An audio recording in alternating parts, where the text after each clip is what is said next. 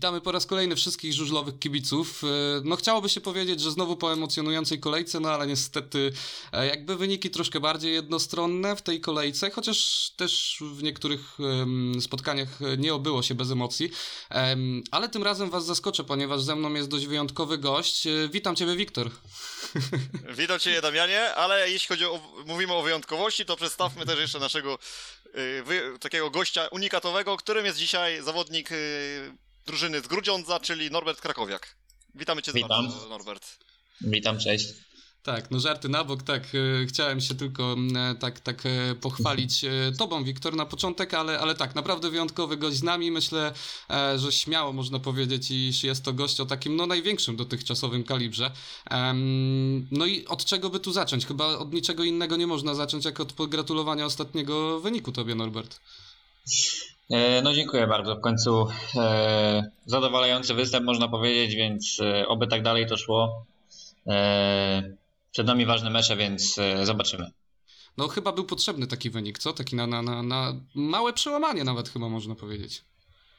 No zdecydowanie tak. Nawet e, gdzieś sobie z mechanikami rozmawialiśmy, że tak naprawdę e, prędkość na treningach jest, wszystko jest ok. E, z tym sprzętem trochę doszliśmy do ładu i tak naprawdę brakuje chyba takiego jednego fajnego występu, żeby e, złapać też trochę pewności siebie i no i udało się to. No też w ekstra stylu. Mm, te punkty zdobyte po szerokiej, bez kompleksów. Tam świetna walka z Leonem Madsenem, z Jonasem Jepesenem. Nie wiem, czy widziałeś powtórki, ale naprawdę na ekranie to świetnie wyglądało. Tak, no powtórki to chyba widziałem z pięć razy, więc yy, szczególnie te dobre biegi swoje do, fajnie się ogląda. Yy, często analizuję też nawet jak są jakieś błędy, a tych błędów trochę też było w tym meczu, w tych pierwszych biegach szczególnie, bo trochę tych punktów mogło być nawet więcej. E, więc e, no fajnie to wyglądało i też fajnie się czułem na motocyklu. A właśnie, tak mówisz o tym, że oglądasz te powtórki. Powiedz mi, czy jako zawodnik w trakcie sezonu masz czas i w ogóle zdarza ci się takie coś, żeby trochę tej ekstraligi w telewizji pooglądać? E, no niestety jako senior mam dużo czasu na ten moment, więc Myślę, że to się niedługo zmieni, bo zacznie się Szwecja, ale no, prawda jest taka, że jednak e, jest duża różnica między tym wiekiem juniorskim a tym seniorskim, więc e, teraz trochę doświadczam tego i trochę tej jazdy brakuje, e, ale staram się oglądać jak najwięcej meczy właśnie i też jeździmy przecież na wyjazdy, niektóre przed nami, więc można jakieś wnioski wyciągnąć z tych torów, które będziemy odwiedzać, więc staram się oglądać. A powiedz mi jeszcze taką rzecz, y, jak, na jak dużo startów będziesz mógł liczyć w tym roku w Szwecji? E, no wszystko zależy od tego, jak dobrze będę się tam prezentował, myślę, e, ale e, generalnie podpisałem kontrakt w Indonerne Kumli. Ligę niżej można powiedzieć, bo Kumla ma dwie drużyny w tym roku, więc kontrakt jest na dwa lata i w tym roku będę jeździł ligę niżej, a w następnym roku jest plan, żeby już jeździć w najwyższej lidze, więc myślę, że to jest dobry początek też, bo myślę, że tam będę na pewno mógł liczyć na więcej ilość startów, bo jednak ten skład tam e, w najwyższej lidze jest szeroki, więc e, no mam nadzieję, że będę jeździł co tydzień, zobaczymy. Powiedz mi taką rzecz, kiedy startują te rozgrywki zaplecza Elite Serien? E, pierwszy mecz jest zaplanowany na 9 czerwca. Jednak no już wiem, że nie wystąpię w tym spotkaniu, bo w tym samym terminie mam tutaj e, w Gnieźnie wino Mistrzostw Polski, więc e, zacznę tydzień później, czyli e, to będzie chyba 16 czerwca. No zobacz, jak pek to pek, nie? Tak, tak, tak jak nie miałeś jazdy, tak no, dokładnie. jest jazda i się w jeden dzień kumulują te, te zawody. No, no nie teleportujesz się, żeby być tu i tu. Tak, tym bardziej, że półfinał Mistrzostw Polski miał być w maju pod koniec, a został przełożony właśnie na 9 czerwca, więc no źle się złożyło. No ale przynajmniej u siebie w Gnieźnie. No dokładnie. Jeszcze jutro właśnie mam zaplanowany trening w Gnieźnie. Yy, często trenuję, bo jest blisko, więc yy, no może uda się awansować do finału.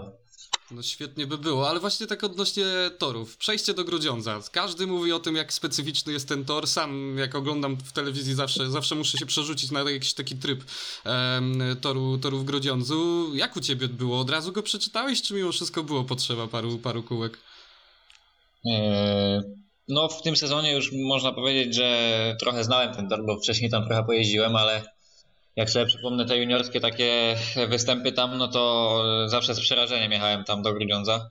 Faktycznie e, geometria tego toru jest no już teraz nie tak przerażająca, ale była przerażająca.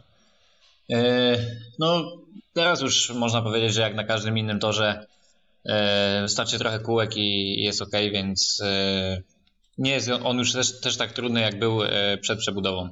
Mhm. No ja pamiętam historie takie związane właśnie z treningami juniorów, gdzie, gdzie chyba Robert Kościecha ustawiał pachołki na szerokiej i, i zakazywał juniorom wjazdu właśnie przed te pachołki, tylko mieli się zmieścić pod bandą.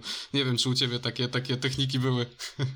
Tak, no nawet e, z trenerem Kościechą e, miałem okazję e, uczestniczyć w czymś takim, jeszcze jak byłem e, w Toruniu, więc e, no wtedy było, było to trudne wyzwanie. Dzisiaj podejrzewam, że nie byłoby aż tak trudne, ale wtedy ta technika była na dużo niższym poziomie, więc e, ale na pewno to fajny sposób, żeby uczyć chłopaków e, prowadzić motocykl tam, gdzie się chce, a nie tam, gdzie motocykl chce, więc Mhm. e, fajny sposób. Słuchaj, a ja tak się zastanawiam, bo szedłeś do Grudziądza, do klubu, który nie, po pierwsze ma taki specyficzny tor, który no nie do końca, jak sam mówisz, w przeszłości ci pasował. Jeszcze w zeszłym roku nawet pamiętam, jak tam jechałeś, to też nie za bardzo byłeś optymistycznie nastawiony z myślą o, o jeździe właśnie na Hallera. Mm, No a tutaj jeszcze pojawia się drugi problem taki, że cały czas musisz z tym Ro- Romanem Lagbaumem gdzieś tam walczyć o, o to miejsce w składzie. Nie przeszkadza ci troszeczkę taka rywalizacja wewnętrzna? E, No, e, wydaje mi się, że no, jak tak patrzę wstecz, no to jednak zawsze gdzieś ta rywalizacja była. Nawet jak w Falubacie jeździłem, no to było nas trzech. Mimo, że tam e, wygrywałem tę rywalizację, no to na tych treningach też było czuć to napięcie jednak. Więc nie było to nic nowego, e, a ciężko dzisiaj znaleźć klub w Ekstralidze z- z moim poziomem sportowym, e, gdzie miałbym zapewnione miejsce w składzie. E, No mam nadzieję, że po tym meczu trochę to się zmieni, bo faktycznie, że, że takie dostawanie szans dwa razy w meczu nie jest zbyt komfortowe, ale no nie ma na to jakby większego wpływu, więc e, trzeba skupić się na sobie i robić swoje. No po Czyli takich wynikach myślę, myślę że, że y, no, szans może być dużo więcej, bo, bo trener e, Ślączka mógł, mógł zobaczyć tutaj potencjał. A jeszcze, jeszcze się tak właśnie zapytam o tej sfery psychologicznej, e, jeżeli chodzi o taką walkę w składzie. Właśnie ona jest, w trakcie meczu wiadomo, jest trudniej, ale przed meczem, kiedy, kiedy czekasz na te mecze, to ta walka jest taka motywująca, tutaj adrenalina wchodzi w grę, czy właśnie bardziej taka uciążliwa?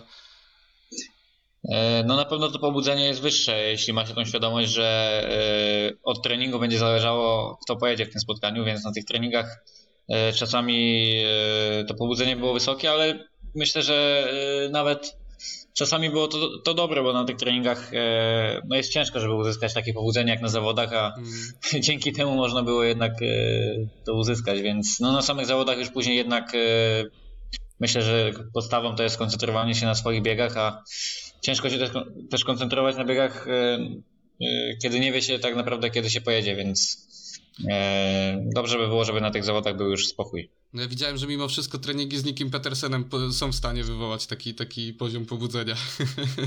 widziałem filmiki. Tak. No tak, w tym meczu też, też y, przez moment chyba był, był taki poziom pobudzenia w tym właśnie twoim pierwszym biegu, bo po- pojawił się troszkę przed, e, przed oczyma. A tak właśnie jeszcze od- odnośnie tego toru, wrócę do meczu w Częstochowie.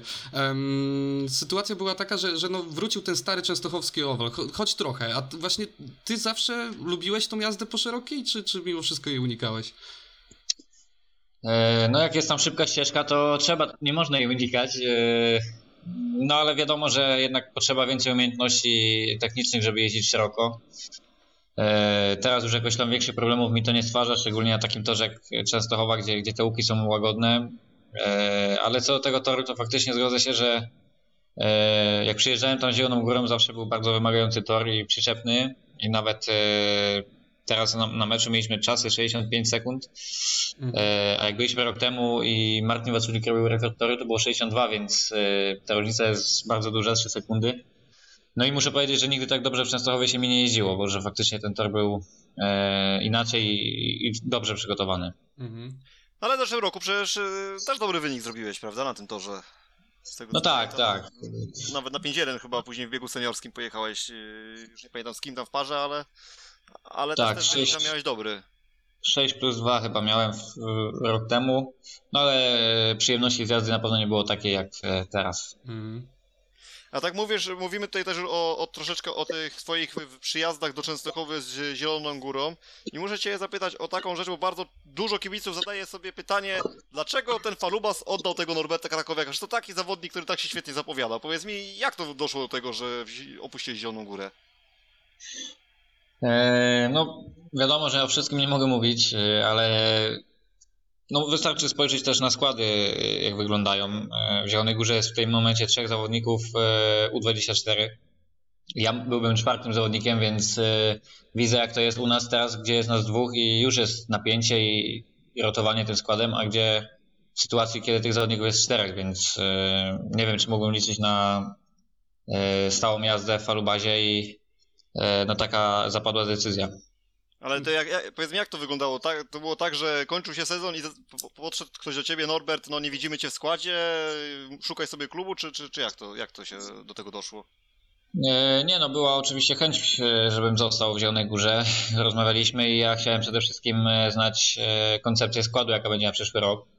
E, No i ta koncepcja nie została mi jakby przedstawiona, e, nie było konkretów żadnych, więc e, domyślałem się, że po prostu e, no, będzie chęć, żeby było nas czterech i po prostu najlepszy będzie jeździł, więc oczywiście dla klubu jest to komfortowa sytuacja, dla zawodników nie jest komfortowa, więc tak to wyglądało.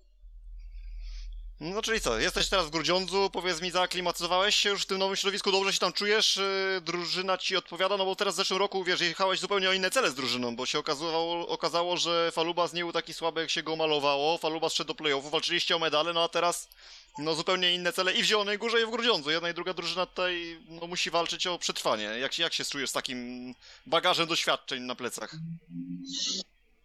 E, No dokładnie, no w tym roku już e, no wiadomo, że e, będziemy walczyć o to utrzymanie, bo no nie wyglądamy na najmocniejszą drużynę. Na wyjazdach prezentujemy się bardzo słabo na razie, więc no nic, no trzeba po prostu dawać z siebie wszystko, tak jakby się jechało najwyższe cele. Każdy gdzieś tam ma swoje mistrzostwo świata, można powiedzieć, więc dla nas mistrzostwem świata będzie utrzymanie w tym roku i Mm. trzeba zrobić wszystko, żeby się utrzymać. No już w dziewiątej kolejce, jak dobrze widziałem, jest taki kluczowy mecz, jeżeli chodzi o to utrzymanie. U siebie podejmujecie Falubas. No tak, dokładnie. Na razie jeszcze nie wybiegam do tego meczu, bo, bo tak jak powiedziałem, jeszcze mecz we Wrocławiu i półfinał Mistrzostw Polski w Gnieźnie, ale Mm. no wiadomo, że ten mecz będzie kluczowy. No i jeszcze chciałem zauważyć, że tydzień wcześniej będzie też bardzo ważny mecz w Zielonej Górze, gdzie Falubas będzie się mierzył z Apatorem, to już y, tak naprawdę za 4 dni. No wchodzi, wchodzi ten etap y, walki o utrzymania naprawdę w najwyższe obroty i to nie będziemy czekać do 14 kolejki, tylko to się okaże w, do, do kolejki dziewiątej, ja bym wręcz powiedział. Norbert, ja mam jeszcze takie pytanie y, dość y, nurtujące mnie, ci powiem, bo przygotowałem swego czasu Wiktorowi taki quiz żużlowy.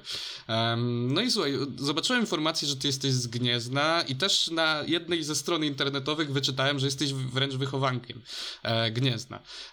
Ale zdałeś licencję w Ostrowie Wielkopolskim. I ja mam do ciebie pytanie, jak to się stało? Jak do tego doszło? Nie wiem. E, No, generalnie e, jak przechodziłem do Ostrowa, no to e, jakby rodzice tutaj prowadzili rozmowy w klubie w Gnieźnie, więc aż takich kulisów nie znam, ale wiem, że po prostu tutaj nie dogadali się w związku z, z długością kontraktu, na jaki miałbym podpisać. Chyba to było do 21 lat e, kontrakt, czyli tak jak większość klubów próbuje podpisywać z juniorami.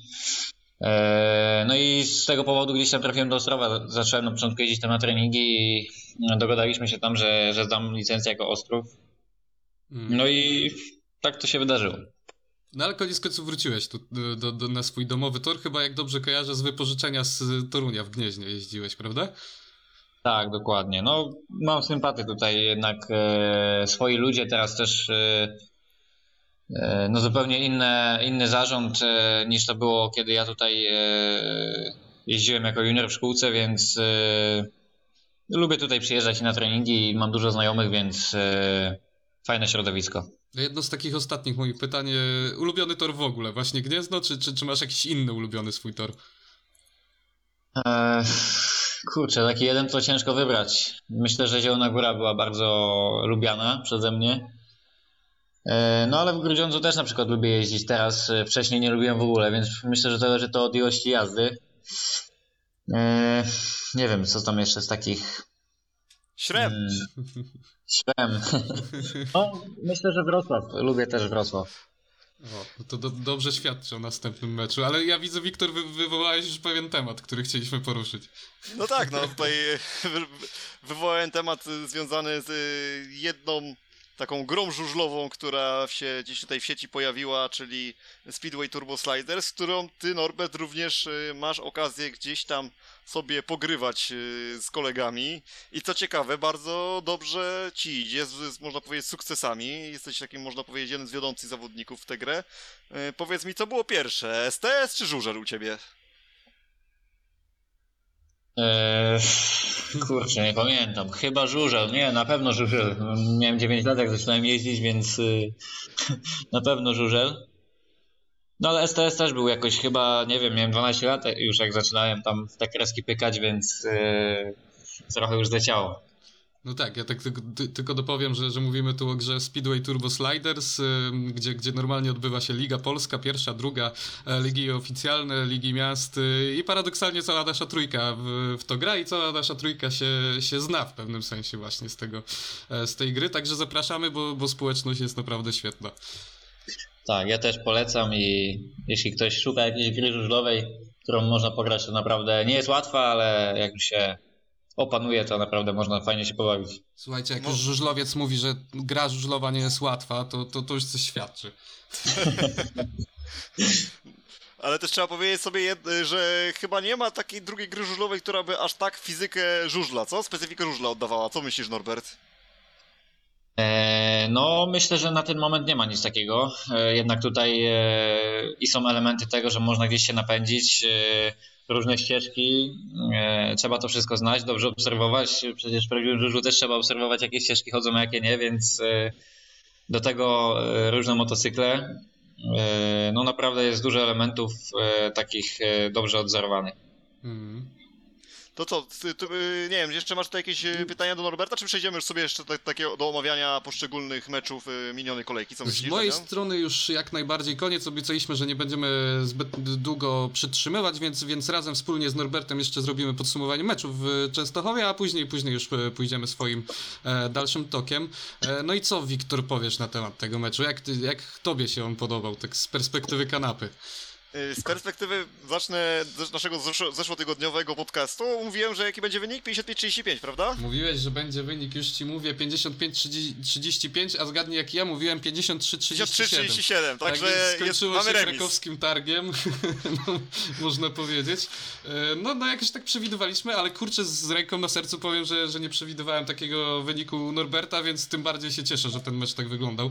E, Nie, no bardzo, bardzo miło Cię Norbert widzieć, że, ta, że tak sobie radzisz, szczególnie, że widać po Tobie od y, tak naprawdę podszewki, kiedy gdzieś tam, y, nawet teraz był y, gdzieś tam emitowany program związany z Tobą na temat tych Twoich studiów, na temat psychologii. No widać, że jesteś profesjonalistą w każdym calu, dlatego tym bardziej fajnie widzieć, że ten profesjonalizm daje efekty w postaci takich wyników. Y, No tego Ci życzę, żeby te wyniki były co najmniej na takim poziomie, jak były w Częstochowie, a może i nawet lepsze. No, oprócz meczu oczywiście z Falubazem. Yy, No ale, ale powiem Ci szczerze, też się nie spodziewałem, że aż tak dobrego, aż tak dobrego wyniku z Twojej strony. Bardziej się spodziewałem troszeczkę więcej punktów po Kenecie Bier. Nie wiem, nie wiem jak Wy. No, z mojej strony trochę tak, tym bardziej po tych ostatnich dwóch czy trzech nawet e, meczach można powiedzieć. Nie wiem, czy tutaj te zatargi e, tunerów, chociaż tego tematu myślę, że już wszyscy mamy dosyć, ale, ale faktycznie też się spodziewałem trochę więcej, no ale Niki. Niki jest nikim, e, czyli, czyli jest kimś, tak jak się ostatnio śmieliśmy. E, ale mam pytanie do ciebie, Norbert. E, czy ty się czujesz bezpiecznie, jak wiesz, że za tobą jedzie w tym żółtym kasku ten Niki Peterson? E, Nie no, myślę, że nie zastanawiam się na to, że generalnie na to, że wygląda to tak, że e, musi działać automatyzm, więc świadomego myślenia tam nie ma. Mhm. E, No ale faktycznie, że e, no Niki raczej, no, trzeba wiedzieć o tym, że Niki jedzie swoje i tyle. E, Trzeba skupiać się na sobie i e, obierać takie ścieżki, żeby gdzieś tam nie wchodzić sobie w drogę, więc e, na pewno szkoda tego biegu, bo gdzieś tam myślę, że moglibyśmy nawet 5-1 przywieźć, ale e, no było jak było i I tyle. Czyli potrzeba po prostu to przed biegiem już wkalkulować i, i, i nie skupiać się na tym, tak jak, tak jak mówisz. No tak, no. E, no Nick jest trzykrotnym mistrzem świata i ja go bardzo szanuję e, za to, jakim jest sportowcem. Wiadomo, jaki ma styl jazdy i jest skupiony mocno na sobie. No ale też to jakby daje punkty drużynie, więc e, jest to skuteczne. Jasne, jasne. E, Jak najbardziej też z mojej strony pełen, pełen e, szacunek, ale co, co Wiktor powiesz? Kacper Woryna nam wraca i to już wraca coraz śmielej. No tak, teraz oczywiście po tym meczu tak punk- punktowo tego aż nie widać, ale no jak spojrzymy nawet na to, jak punktował Kacper we wcześniejszej fazie sezonu, no to na pewno progres jest duży. Najpierw ten świetny mecz w Grudziądzu, tam eksperci mówili, że to po prostu jest, był tor, który Kasprowi pasuje, no ale, ale teraz też potrafił jakieś tam punkty przywozić również na swoim torze. E, No i też powiedzmy, chociażby Norberta przywiózł właśnie w jeden ze, ze, swoich biegów, więc, e, więc chyba ta forma ta forma powolutku wraca. Przywiózł Keneta Bier w drugim starcie. Co prawda, no, niby, niby tych trójek nie ma, ale, ale w każdym z tych trzech pierwszych biegów gdzieś tam rywala przywoził za swoimi plecami. Mhm. Yy, No i to jest chyba jakiś tam powoli sygnał, że może być w Częstochowie coraz lepiej, a jeszcze tym bardziej yy, taki sygnał puścił Bartosz Smektała, bo to jest świetny występ tego zawodnika. No tak, tu, tu się zgodzę w 100%. E, nawet, no, nie będę zdradzał zbyt szybko, ale już wiesz pewnie, co chciałem Yy, powiedzieć. No ale też ja też to samo, to samo chciałem powiedzieć. No nie, znowu. znowu. E, ale co, co jeszcze chciałem mówić? W którym to biegu, kurczę, była... E, to był bieg numer... Hmm, teraz muszę spojrzeć. To był chyba bieg numer 6, 7, e, gdzie, gdzie ty właśnie, Norbert, tak z Jepesenem po tej kontrze do, do, do kredy zszedłeś. Ekstra walka, naprawdę. To, to, to był, był akcja meczu, jak dla mnie. To był chyba bieg numer 9, o ile się nie mylę, bo była to trzecia seria. Tak, dziewiątka, teraz widzę faktycznie. Tak, tak. No tam się tak to ułożyło wszystko, że no ja byłem pewien, że Przemek jedzie cały czas e, drugi po krawężniku, e, bo cały czas byliśmy ustawieni w parę, można powiedzieć. E, ja widziałem, że Przemka pociągnęło z tego wyjścia na jedno koło, ale nie sądziłem, że tam e, i ona zwiedzie i, i musiałem szybko zareagować, więc e, na szczęście udało się to zwycięstwo dowieść. Mhm. E, Tak, e, wiesz co, e, Damian, troszeczkę tutaj Norberta chyba w lekki, lek, lekkie takie zaniepokojenie wprowadziliśmy tym, co mówiliśmy o Bartoszu Smektala, więc może powiedzmy to głośno, że my co tydzień wybieramy spośród wszystkich zawodników kozaka kolejki lub kozaka weekendu, bo tam były też takie animozje, że w jeden weekend były dwie różne kolejki. Tak więc naszym, moim i Damiana ko, kozakiem kolejki w wszystkich tych meczów, które się odbyły, został Bartosz Smektała. A pytanie, czy ty tak Damian, y, nie Damian, tylko Norbert, y, obserwowałeś tak też może inne pojedynki i też jesteś w stanie wybrać jakiegoś takiego zawodnika, który był twoim zdaniem takim największym kozakiem w tej kolejce?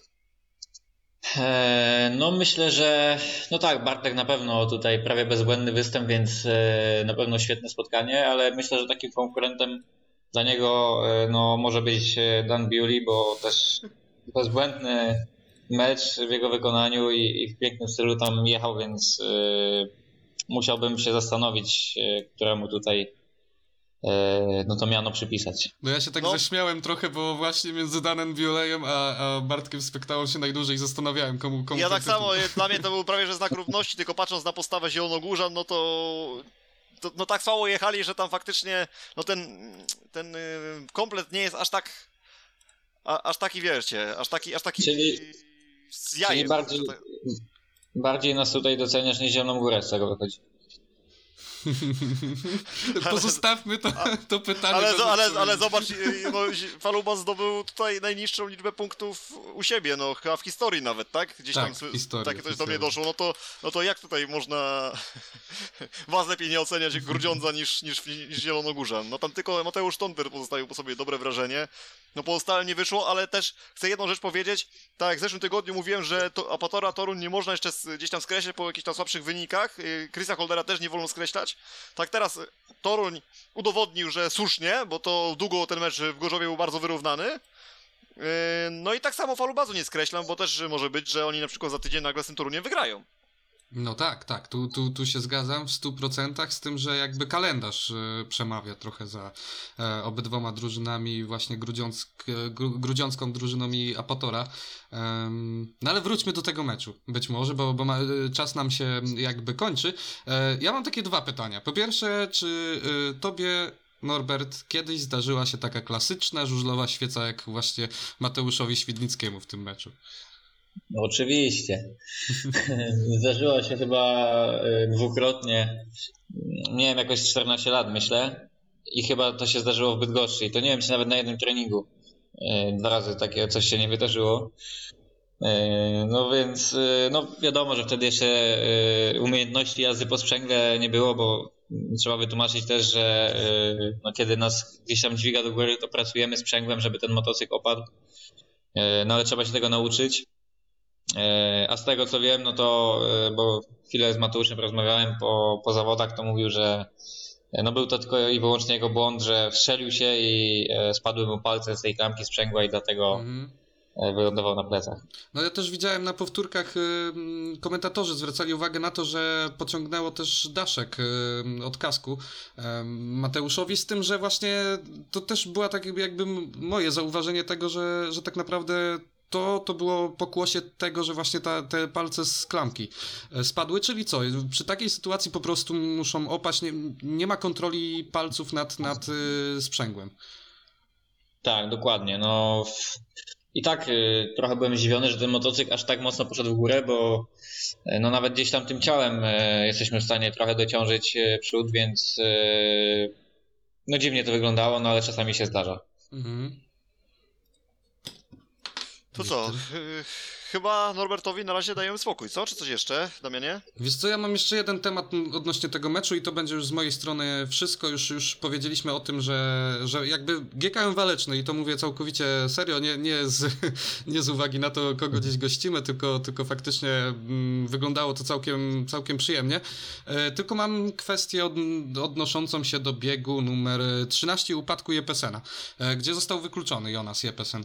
E, moim zdaniem zabrakło miejsca dla całej trójki, ale jakby głównym mm, prowodyrem całej tej sytuacji, czemu zabrakło tego miejsca, był właśnie No, Leon, Madsen. dokładnie Leon Madsen, który ścinał, z, zawężał w momencie, w którym jeszcze jakby nie miał do tego miejsca i naprawdę tam e, całą dwójkę ze sobą poniósł. I właśnie Wiktor, to też w twojej opinii wygl- tak wyglądało, czy, czy mimo wszystko? Oglądałeś, a oglądałeś może magazyn? Tak z ciekawości? Nie, na magazyn nie miałem, nie miałem czasu z racji tego, że to był piątek. To powiem ci w, to, to powiem ci w ogóle, y, historia była taka, magazyn był w piątek? Nie, magazyn był w niedzielę.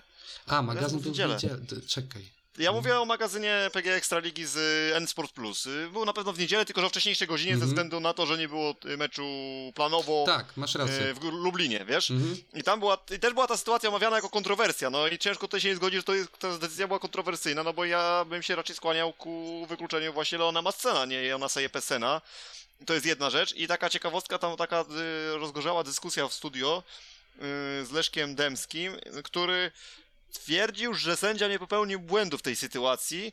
Mhm. Tam troszeczkę pan Leszek Demski sam sobie zaprzeczał, bo mówił o tym, że y, jakby prowodyrem i przyczyną w ogóle tego za- zajścia było właśnie zejście tego Leona Massena, y, Niż próba tam założenia się, tak? Mhm. A, po- ale jednocześnie mówi, że y, no jakby z, zgadza się z, decyzją sędziego, więc no takie jest, to, to jest zaprzeczenie samemu sobie, no bo jeśli Leon Madsen był prowodyrem, był y, jakby Tak, tak, tak. powodem, osobą, która była powodem tego całego zajścia, no to dlaczego jest wykluczany ktoś, kto nie był, ni, nic nie zrobił, tak? On przecież Jonas Jepesen jechał swoim torem, mało tego, zamknął gaz, żeby uniknąć Mhm. kolizji. No, nie, nie udało mu się to, no jeszcze na dokładkę przewrócił się, poobijał i jeszcze dostał czwartego gonga w postaci wykluczenia. Tak, tak, tak. No nie wiem, Norbert, ty widziałeś w telewizji tą, tą sytuację? Tak, tak. I nawet oglądałem magazyn, e, tak jak Wiktor mówi. Mhm. E, No, ja mam też taką ocenę jak wy, że tutaj jednak e, wykluczyłbym Macena, bo zresztą e, Leon ma taki styl, styl jazdy, że w Częstochowie już można powiedzieć od połowy prostej robi pikę Mhm. i długie wejście i no i on nas tam nie miał gdzie pojechać, e, tak jak Wiktor powiedział, zamknął gaz nawet i e, nie mógł uciec w lewo, bo tam był e, chyba Paweł Miesiąc, więc e, no wykluczyłbym chyba też Macena. Jasne. Powiedziałeś Paweł Miesiąc, ja tu jeszcze muszę y, troszeczkę zmienić temat, powiedzieć słówko o Pawle Miesiącu. Y, Bo znowu, pamiętasz, mieliśmy tydzień temu dyskusję y, Krzysiu, Damian, na czy- temat tego, czy Krzysztof Kasprzak nie pojedzie za Mhm. Pawła Miesiąca. W któryś dzień nawet do mnie napisałeś, ty wywróżyłeś znowu, znowu coś wywróżyłeś, tak, bo Krzysztof tak, Kasprzak... tak, bo ja się z tobą nie zgodziłem, że absolutnie, nie ma takiej opcji, że na pewno Paweł Miesiąc. No i koniec końca Paweł Miesiąc, ale powiedz mi Norbert, czy ty coś wiesz, jakie były tutaj w ogóle kulisy tego, że jednak ten Paweł Miesiąc, co, co, coś wiesz na ten temat?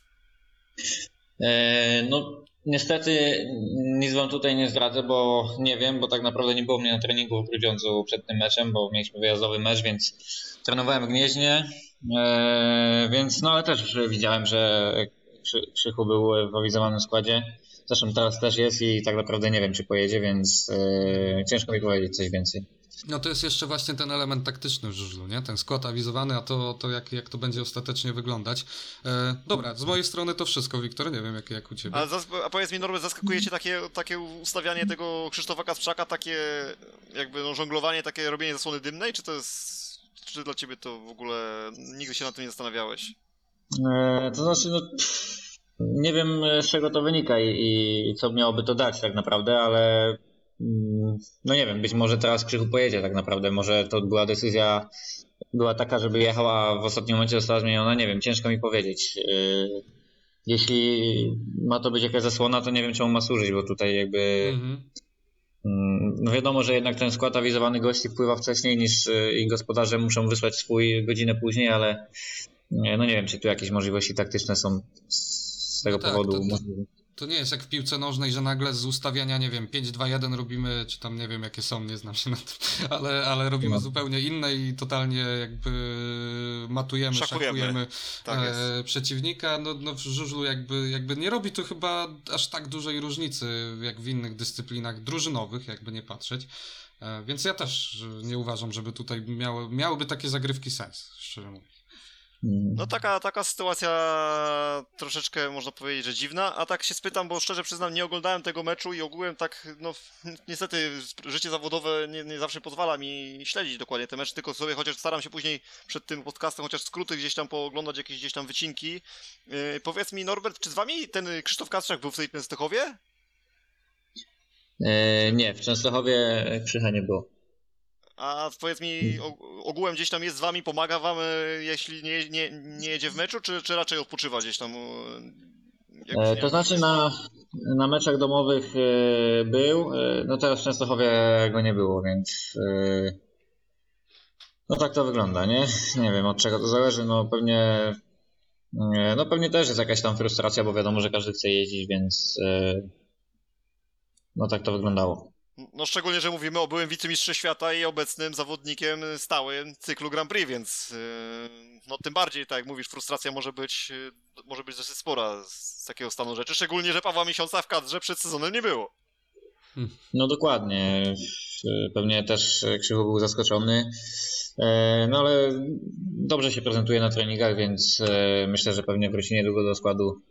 Mhm. E, No zobaczymy. Ja też widziałem, dobrze że, wiedzieć, że, że- po, po, pomaga e, aktywnie, więc, więc jakby, jakby nie jest to aż taki poziom frustracji, bym powiedział. To co?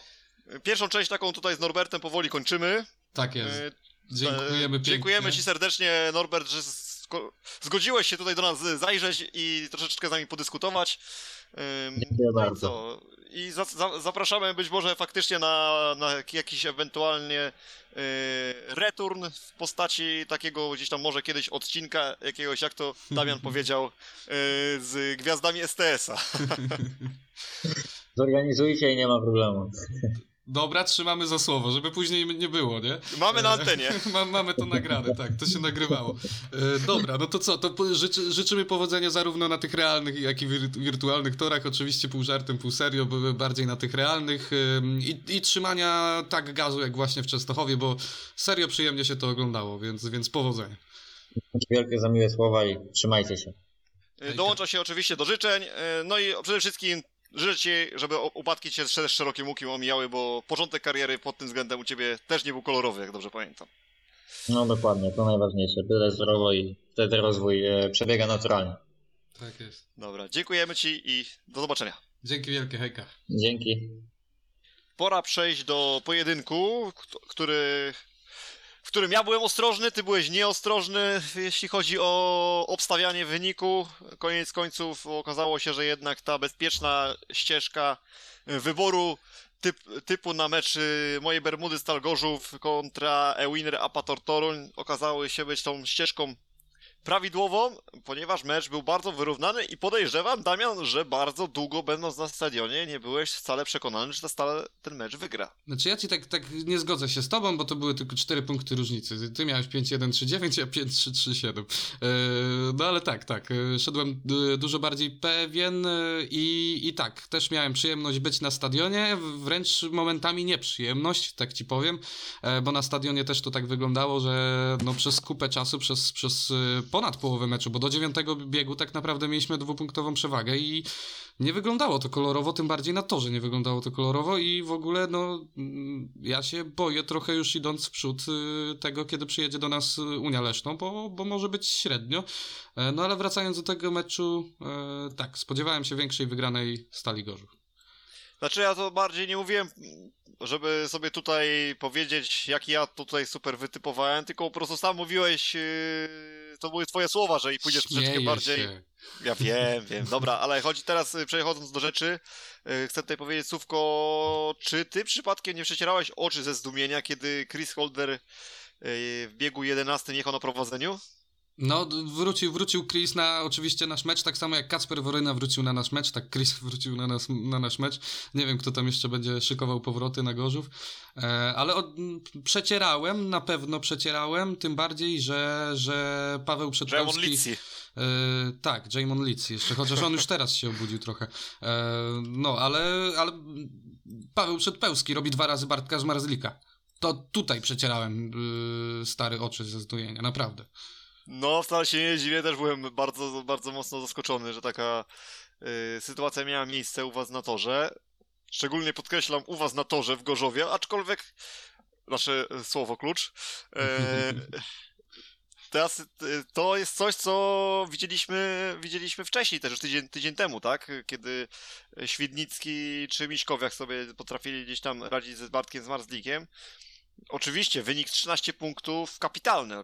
Tylko po tych dwóch takich yy, właśnie pstryczkach w nosu ze strony Pawła Przedpełskiego Bartek już się tak spasował, już był tak zmobilizowany, że tutaj nie wiem, czy byłby w stanie ktokolwiek już go w tej drugiej części zawodu powstrzymać.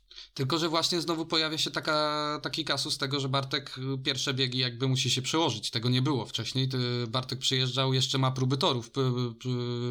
Jakby podkreślam to, przypominam, bo Bartek permanentnie już od paru sezonów zawsze wyjeżdża na próbę torów ze strony Stali Gorzów. To jest podyktowane głównie tym, że, że ponoć bardzo dobrze przekazuje reszcie drużyny e, to, co się dzieje na, na torze i ja w to wierzę, absolutnie w to wierzę, bo, bo Bartek jest bardzo dobrym, bardzo dobrze czuje tory po prostu. Em, ale znowu, znowu zaczyna od jakby niższego poziomu i wchodzi na ten wyższy poziom. I w ogóle tak ci powiem, ja mam w dalszym ciągu uwagi odnośnie toru gorzowskiego, bo to jakby nie jest ten tor gorzowski, szczególnie drugi łuk, na którym mm, gorzowiacy zazwyczaj odrabiali. On jest mocno specyficzny, tam się bardzo często wchodziło od zewnętrznej, wchodziło, wychodziło po małej. E, Teraz to jest zupełnie inny y, drugi łuk i widać to po stalowcach, że, że na tym drugim wręcz tracą do, do przeciwników, a nie zyskują. E, I, I tak, no tutaj, tutaj bym w pewnym sensie może upatrywał właśnie takich słabszych początków.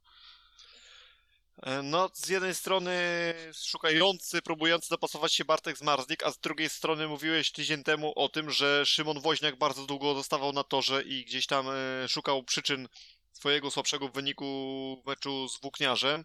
No i chyba te Znalazł. przyczyny znalazł.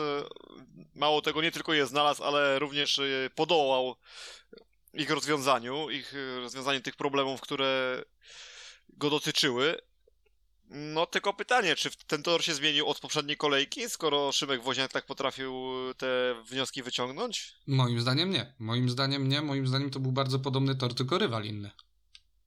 No to dlaczego tutaj, z czego mogą wynikać wobec tego te problemy stali z dopasowaniem? Y, Znaczy w stali, w sumie mówimy Mhm. teraz głównie o Bartku Zmarzliku, tak, tak naprawdę. Mm, wiesz, no właśnie upatrywałbym tego w to, że nie wiem, z Jarkiem Gałą, torumistrzem gorzowskim nie, nie rozmawiałem, chociaż y, właśnie Szymek wtedy, kiedy zostawał na tym torze, bardzo mocno gestykulował e, na temat toru i, mówiło się. I nawet y, w mecz, mecz od kuchni był nagrywany w Gorzowie. E, teraz nie wiem, czy widziałeś ten materiał. Widziałem, ale powiem ci szczerze, szczerze, że już nie pamiętam, co tam dokładnie się działo, bo też tak mm, troszeczkę w locie go oglądałem. Tam stalowcy, chyba Anders Thompson, chociaż nie jestem teraz pewien, em, mieli pretensje właśnie do toru, że jest mocno dziurawy i że nie chcą takiego toru, bo, bo jakby Anders Thompson to, to jest też zawodnik, który lubi po trasie atakować, a, a Gorzów jakby teraz ten obecny, w tamtym sezonie właśnie coś się zmieniło. Gorzów zaczął być całkiem ciekawym torem. E, tu wracamy z powrotem do tego tr- troszkę nudniejszego toru i narzekali zarówno torunianie, jak i gorzowianie na, na stan toru, na po prostu sposób przygotowania, jeżeli chodzi o bezpieczeństwo. E, no ale co, tak, taki wracając do, do wyników samych, znowu wraca model 4 plus 3, w sensie czterech y, mocnych seniorów, liderów, którzy ro, robią znowu po raz kolejny i to jest chyba trzeci mecz, tam była taka statystyka, trzeci mecz w Ekstralidze, w którym mm, czterech y, zawodników robi ponad y, dwucyfrówkę i wszystkie te wyniki są po stronie Stali Gorzów. E, czyli, czyli Szymon Woźniak 10 plus 3, Anders Thompson 10 plus 1, Martin Waculik 10 i Bartosz Marzik 13. No ale znowu się pojawia ten, ten cały Markus Birkemose, który, albo może inaczej, pozycja U24, która no nie, nie pomaga, nie dostarcza, jak to się mówi. No, no tak, z tym y, faktycznie Stal Gorzów y, ma problem. Od samego początku y, sezonu mówiłeś, że to będzie największy mankament Stali. Miałeś w zupełności tutaj rację. Yy, No i teraz pytanie, co z tym fantem zrobić, bo z kolei jak zobaczymy Rafała Karczmarza, który pojechał sobie na mecz drugiej ligi do Poznania i zdobył tam 12 punktów po pierwszym nieudanym starcie i zerówce zrobił 4 trójki, no to no to co, co, co jest z tymi zawodnikami nie tak? Ja rozumiem, że druga liga to nie jest poziom PG Ekstraligi, no ale no wygląda na to, że ten Karczmarz wcale w takiej złej formie nie jest, skoro potrafi tam pojechać i naprawdę tak fajnie punktować, szczególnie, że w Stali Rzeszów też tam jest paru takich ciekawych zawodników. No yy, tylko bo- Ekstraliga, nie? To jest inny poziom, mimo wszystko. No tak, ale no kurczę, swój tor, tak? Swój tor. Mhm. To, to, to mnie tak zastanawia. Tak, dorzucę, nie wiem czy widziałeś, dorzucę szyb, szybciutko. Dzisiaj y, DMPJ, było, by, runda drużynowych Mistrzostw Polski Juniorów była od, odgrywana właśnie w Poznaniu, ta, ta jedna z rund, e, która się dzisiaj odbywała. Stal Gorzów wygrała z te zawody e, z Unią Leszno, z mm, e, właśnie Falubazem Zieloną Górą i, i chyba właśnie z Poznaniem. Em, gdzie Rafał Karczmarz, w ogóle nie wiem o co tu chodzi. Czemu Rafał Karczmarz dalej może jeździć w zawodach juniorskich? Bardzo mnie to ciekawi i jeżeli ktoś wie coś na ten temat, to z chęcią się dowiemy. Em, ale Rafał Karczmarz robi 15 punktów komplet, Wiktor Jasiński robi 15 y, punktów komplet, Kamil Nowacki przed e, samym spotkaniem e, zgłosił e, problemy sprzętowe i nie, nie mógł e, pojechać w tym meczu, więc jakby wszędzie nie startował, nie startował się pojawiło. I tam jeden z nawet nieznanych, mi wstyd się przyznać, juniorów gorzowskich, też dorzucił 5 plus 1 i w taki sposób e, trzy- 35 e, punktów robi e, Stal Gorzów i wygrywa, wygrywa z e, innymi przeciwnikami. No i właśnie ten Rafał Karczmarz robi 15 punktów. E, I tak jak mówisz, Wiktor Jasiński jakoś potrafi walczyć nawet z seniorami na swoim torze. A powiedz mi, co nie jest tak, że jeden zawodnik U24 może teraz startować w tych, tych DMPJ-ach? Ja się zastanawiałem nad tym. Możliwe, że tak jest, to, ale to w takim razie... U23, no tak mi się wydaje, szczerze powiedziawszy. Też przeoczyłem zmianę regulaminową, co trochę kupio się poniekąd przyznać. Yy, No ale podejrzewam, że chyba tak musi, tak musi być, no bo z in, innych tutaj przyczyn Mhm. yy, nie widzę, dla których Rafał Kaczmarz by tu mógł startować i nie jest on jedyny, bo Robert Chmiel chyba też już jest przecież yy, zawodnikiem Mhm. chyba trochę starszym niż wiek juniora pozwalałby mu startować. Dobrze mówię? Czy się mylę z Robertem Chmielem? Mm, Myślę, że masz rację, bo, bo z tego co kojarzę. Tak, on ma przekroczył- 23 lata, sobie szybko Tak. tutaj y, sprawdziłem. A to Także- widzisz, Norbert Krakowiak jakoś nie startuje. No właśnie, się, właśnie powiedzieć, chciałem to dzisiaj go, od go to spytać, bo właśnie o te DMBJ, czy, czy nie mógłby jednak startować, ale nie chciałem tak zwanego fopa popełnić, więc y, pozwoliłem sobie y, tego pytania zadać, no ale skoro już teraz ten temat wyciągnęliśmy. E, Inaczej, może umówmy się w ten sposób. Zadamy to pytanie Norbertowi jeszcze gdzieś tam poza anteną i w przyszłym tygodniu Wrócimy z w kolejnym odcinku damy, wrócimy z odpowiedzią. Co ty na to? Nie ma problemu, jak najbardziej. Myślę, że uda nam się to zrobić. No ale wracając do tego Gorzowa. Um, Jasiński właśnie. Powiedziałem to nazwisko i wypowiem jeszcze raz, bo jest powód. E, bieg juniorski, mega, mega akcja na, na juniorach. to był chyba na, na, na Marcińcu, tak mi się wydaje. E, chociaż spojrzę szybko. Em, nie, to było na, na na, na, Lewandowskim na raczej. Lewandowskim. Tak, to było na, na Krzysiu Lewandowskim jak najbardziej. Moja pomyłka, tak, akcja po szerokiej, ekstra, jedna z niewielu mijanek w tym meczu, e, więc, więc super to wyglądało i w ogóle Wiktor, kurczę, ja do teraz tak naprawdę e, mega żałuję, że ten chłopak zaczął jeździć dopiero w wieku 18-19 lat, bo kurczę, byłby pożytek jeszcze wcześniej z chłopaka i wydaje mi się, że pozycja U24, jeżeli nic się nie zmieni mm, transferowo, e, to, to, to jest zaklepana dla Wiktora. Em, No ale to, co ci mówię, przyjeżdża Unia Leszno i ten mecz moim zdaniem będzie wyglądać zupełnie inaczej. E, Ja ci powiem e, więcej, jeśli chodzi o pozycję U24. Ja wcale się nie zdziwię, jeśli od kolejnego meczu Wiktor Jasiński po dwóch biegach będzie skakiwał za Markusa Birkemoza Mhm. i Rafała Karczmarza, jeśli oni będą jechać tak jak jadą do tej pory. E, Szczególnie, że on naprawdę sobie dobrze radzi i wydaje mi się, że na te dodatkowe biegi zasługuje. W zeszłym roku właśnie Norbert Krakowiak miał bardzo podobną sytuację w Falubazie, że bardzo notował sporo takich fajnych występów, gdzie bardzo słabo jechał Antonio Lindbeck. Yy, Mhm. W innych meczach bardzo słabo jechał z kolei na przykład y, Michael Jepsen Jensen, a Norbert Krakowiak raczej nie dostawał szansy tego swojego czwartego startu. Tam były różne tłumaczenia ze strony Piotra Żyto, nie będę już może tego przypominał, tutaj wy, wyciągał. Mhm. Mm, No ale teraz tu widzę taką podobną zależność, że Wiktor Jasiński mógłby zacząć dostawać troszeczkę tych szans więcej, chociaż w jeden z meczów chyba dostał czwarty bieg, jak dobrze ko- kojarzę, czy się mylę? Mm, Poprawnie, To było w meczu z Częstochową. Tak, najbardziej. często on dostał czwarty bieg, tak? Tak. Właśnie za Rafała Karczmarza i ja się wcale nie zdziwię, jeśli w którymś momencie dojdzie do tego, że już po dwóch biegach będą e, zmieniani. No jeśli Wiktor Jasiński jest gwarantem jakichś punktów, a chyba stał się takim gwarantem, przynajmniej w Gwarantem swoim może za dużo powiedziane, ale, ale tak, ale szansą na pewno na zdobycie tych punktów, nie? No ale no, no mówię, no to tak jak mówisz, może, może to trochę za duże słowo ten gwarant, no ale faktycznie no chłopak bardzo, bardzo fajnie się rozwinął i to, to, trzeba, mu, to trzeba mu oddać. Strach pomyśleć, e, jak to by było, gdyby od, od 16 roku życia by zaczął startować, oczywiście w cudzysłowie, Mhm. e, no bo podejrzewam, że w tym momencie mógłby być e, już naprawdę takim solidnym kocurem ligowym, który kto wie, czy nie byłby jeden z najlepszych w ogóle juniorów w kraju, może i nawet najlepszy, bo zaraz gdzieś tam po Kubie Miśkowiaku, gdyby startował tutaj od 16 roku życia. Lubimy gdybać, bo to zawsze, Lubimy. zawsze lubimy. nam dobrze, dobrze wychodzi.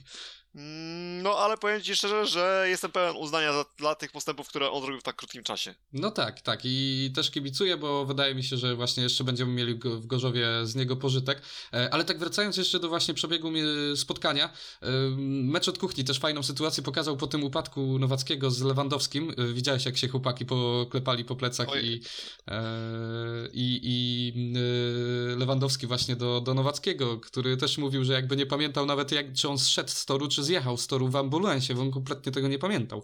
Em, i, I Lewandowski do niego podszedł i, i zagadał, że, że jak się czujesz. E, no i koniec końców, gdzie Nowacki był niby, niby prowodyrem całej, całej, całej sytuacji, em, Lewandowski stwierdził, że no cóż, taki jest żużel, nie? Jedziemy dalej. Bardzo fajne w wieku 16 lat mieć taką dojrzałość, ekstra, naprawdę szapoba. Tak, tak, ale powiem ci szczerze, że można było zadrżeć o ich zdrowie Oj tak. po tym upadku. Fajnie, że to się skończyło względnie niegroźnie. Mm, Myślę, że nie jedna osoba po spojrzeniu w program tych dzisiejszych DMPJ-ów w Poznaniu i zobaczeniu NS-ek przy nazwisku Kamila Nowackiego Mogła się przerazić. Tak, mogłoby się zastanawiać, czy to nie jest y, pokłosie tego upadku. Na szczęście tutaj fajnie, że uspokoiłeś, że to tylko, tylko y, kwestie sprzętowe były przyczyną. No tak, y, on był obecny w parku maszyn, więc... W przeciwieństwie do Krzysztofa Kasprzaka w Częstochowie. Mm. tak, tak, tak jak mówisz, E, ale jeszcze ten, jeszcze odnośnie tego meczu powiem ci, że właśnie ten dziewiąty bieg, e, moment meczu, chyba wybrany nawet przez, przez redaktorów, nie jestem pewien, ale, e, ale na pewno dla mnie moment meczu, wiesz, do biegu dziewiątego, bieg siódmy, kurczę, no po prostu mm, na stadionie myślałem, że, że wszystkie włosy z, z, głowy wyrwę, No, czerwony dywan rozstawiony dla Jacka Holdera. Zapraszam, jeszcze oficjalne zaproszenie powinno być wystosowane e, do Jacka, żeby, żeby on sobie pojechał po tą trójkę, może nie wiem, właśnie gościnnie z uwagi na to, co zrobił w tamtym sezonie, ale, ale no, nikt nawet nie próbował go tam powstrzymać. E, Wjechał między dwóch zawodników, e, mega irytacja ze strony właśnie kibiców na stadionie i w ogóle ten mecz wynikiem tak naprawdę ułożył się dopiero po dziesiątych, po dziesiątym biegu, gdzie po dziewiątym, dziesiątym biegu, gdzie, gdzie Stal trochę odjechała, no i mamy, tak oto mamy ten wynik 50-40, a tutaj Jack Holder, e, Paweł Przedpełski, też Chris Holder, który,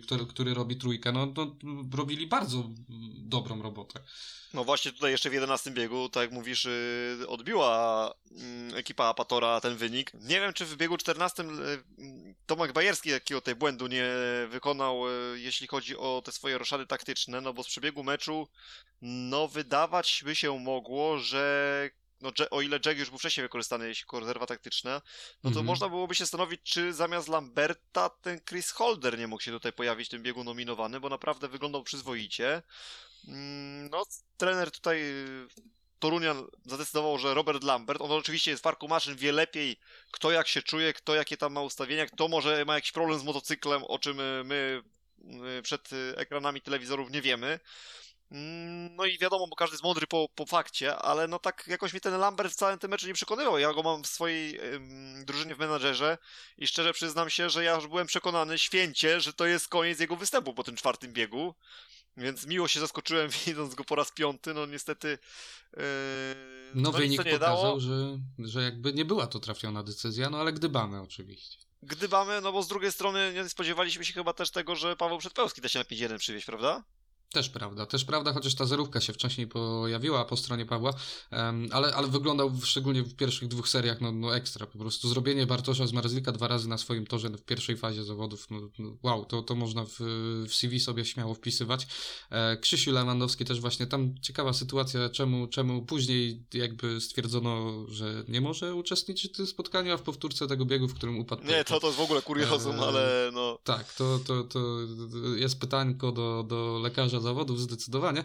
E, No ale cóż, no tyle, tyle może z mojej strony na temat tego meczu, bo no tak skwituję może to takim zdaniem, że Stal wygrała, Stal wygrała niepewnie, Stal nie jest po prostu pewna, nawet na swoim torze.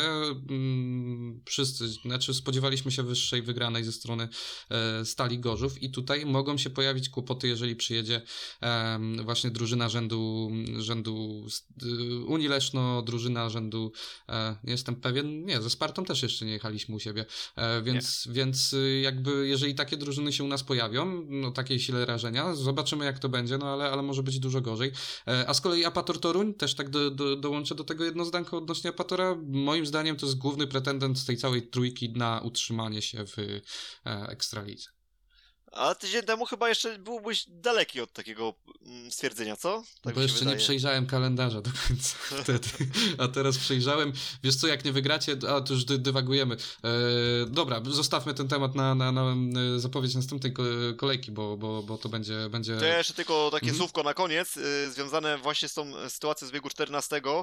Mm, Też powiem Ci, czym jeszcze bym się kierował tutaj, gdybym był menedżerem i gdybym oczywiście, no, jeśli, gdybym miał świadomość, że tam nic się złego nie dzieje, powiedzmy z motocyklem Chrisa Holdera i tak dalej, mm, no, w biegu 11 zrobił trójkę na Szymonie Woźniaku. Mhm. Czte- W biegu 14 jechał z Szymonem Woźniakiem. No tak, czyli można było się pokusić o stwierdzenie, że zrobi go po raz kolejny. No tak, tak, tak, tak można byłoby się chyba pokusić, prawda?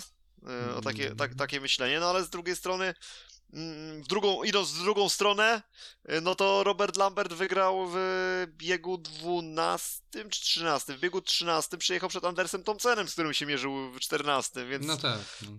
Więc może oddajmy, że jednak tutaj nie byłbym mądrzejszy od Tomka Bajerskiego i zrobił dobrze. Sam, sam siebie wypunktowałem, e, więc... jak Leszek Dębski w magazynie. E, Tak, zachowałem się jak Leszek Dębski. Yy, Postanawiam się poprawić i mam nadzieję, że więcej mi się to nie powtórzy. Y, Zobaczymy, każdy, y, też w jednym odcinku z y, Weroniką y, był, była taka kwestia, że każdy może się pomylić, tak więc spokojnie, Y, nic, się, nic się nie stało. Dziękuję Weronika, że, że tu byłaś i że to kiedyś, że, to, że te słowa padły. Jest, jest to dla mnie ogromne pocieszenie i Ale odnośnie pomyłki, Wiktor, Pomylił się Faluba z Zielona Góra w meczu z, ze Spartą Wrocław. No ja cię przepraszam, ale to była pomyłka. Ależ ty delikatnych słów używasz.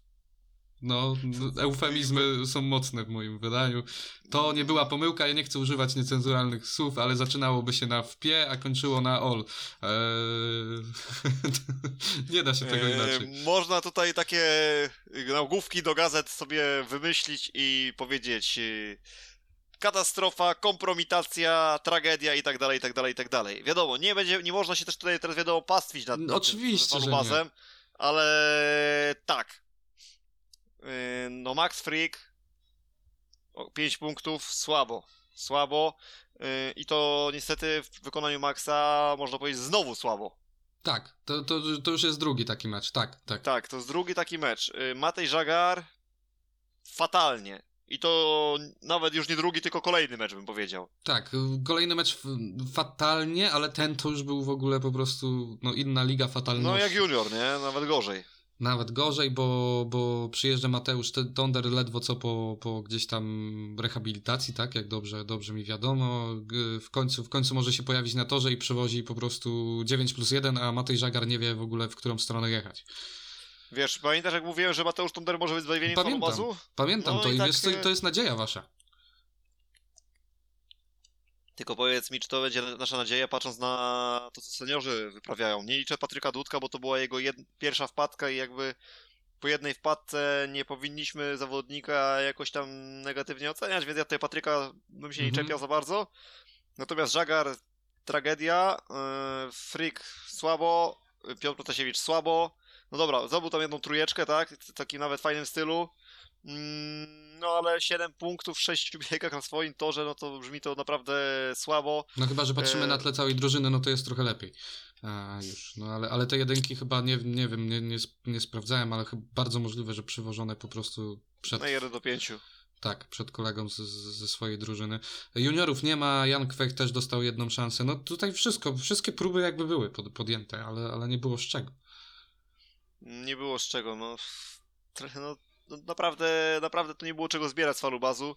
Yy, No Daniel Bewley pozamiatał i to tak, taka ciekawostka w sumie, zobacz, Daniel Bewley wychowany na tych bardzo mocno przyczepnych torach, a jednak e, zrobiony Mhm. beton i też brylował. Tutaj widać gospodarze kompletnie pogubieni. E, w magazynie zresztą e, ktoś tam wspominał, nie wiem czy to nie był e, Krzysiu Cegielski, czy, albo Mirek Jabłoński, chyba Mirek Jabłoński w tym wypadku, mm, wspominał, że właśnie pogubienie się na swoim torze, kiedy jest on twardy, kiedy jest betonem, Mhm. no to jest coś wyjątkowo trudnego do tego, żeby się dopasować, żeby cokolwiek z tym zrobić.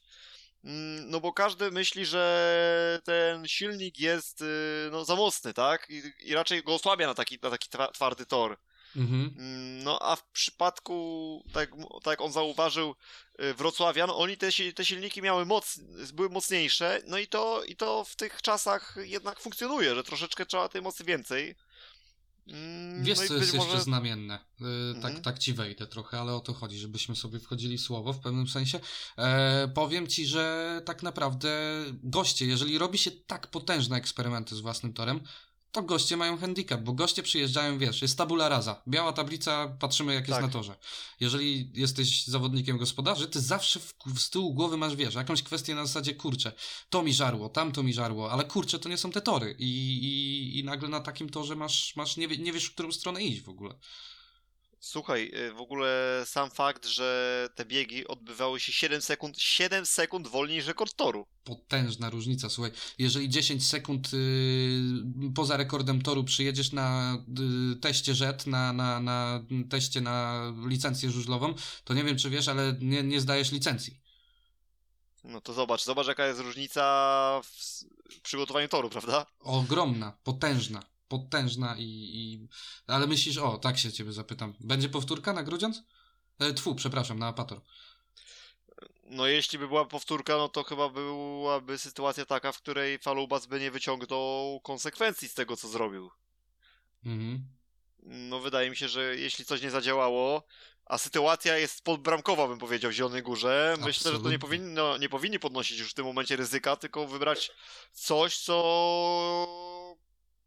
no, gdzieś zafunkcjonowało. Być może trzeba sobie przypomnieć, jak, jak ten tor był przygotowany na GKM Grudziądz i, i właśnie taki, ta, taki, taką nawierzchnię zaproponować y, na mecz z. Mhm. To był jedyny mecz wygrany, jedyny, w którym Falubas pojechał dobre spotkanie, gdzie nawet wydawało się, że te 51-39 to nawet z przebiegu spotkania, meczu wydawało się, że to mogło być jeszcze wyżej.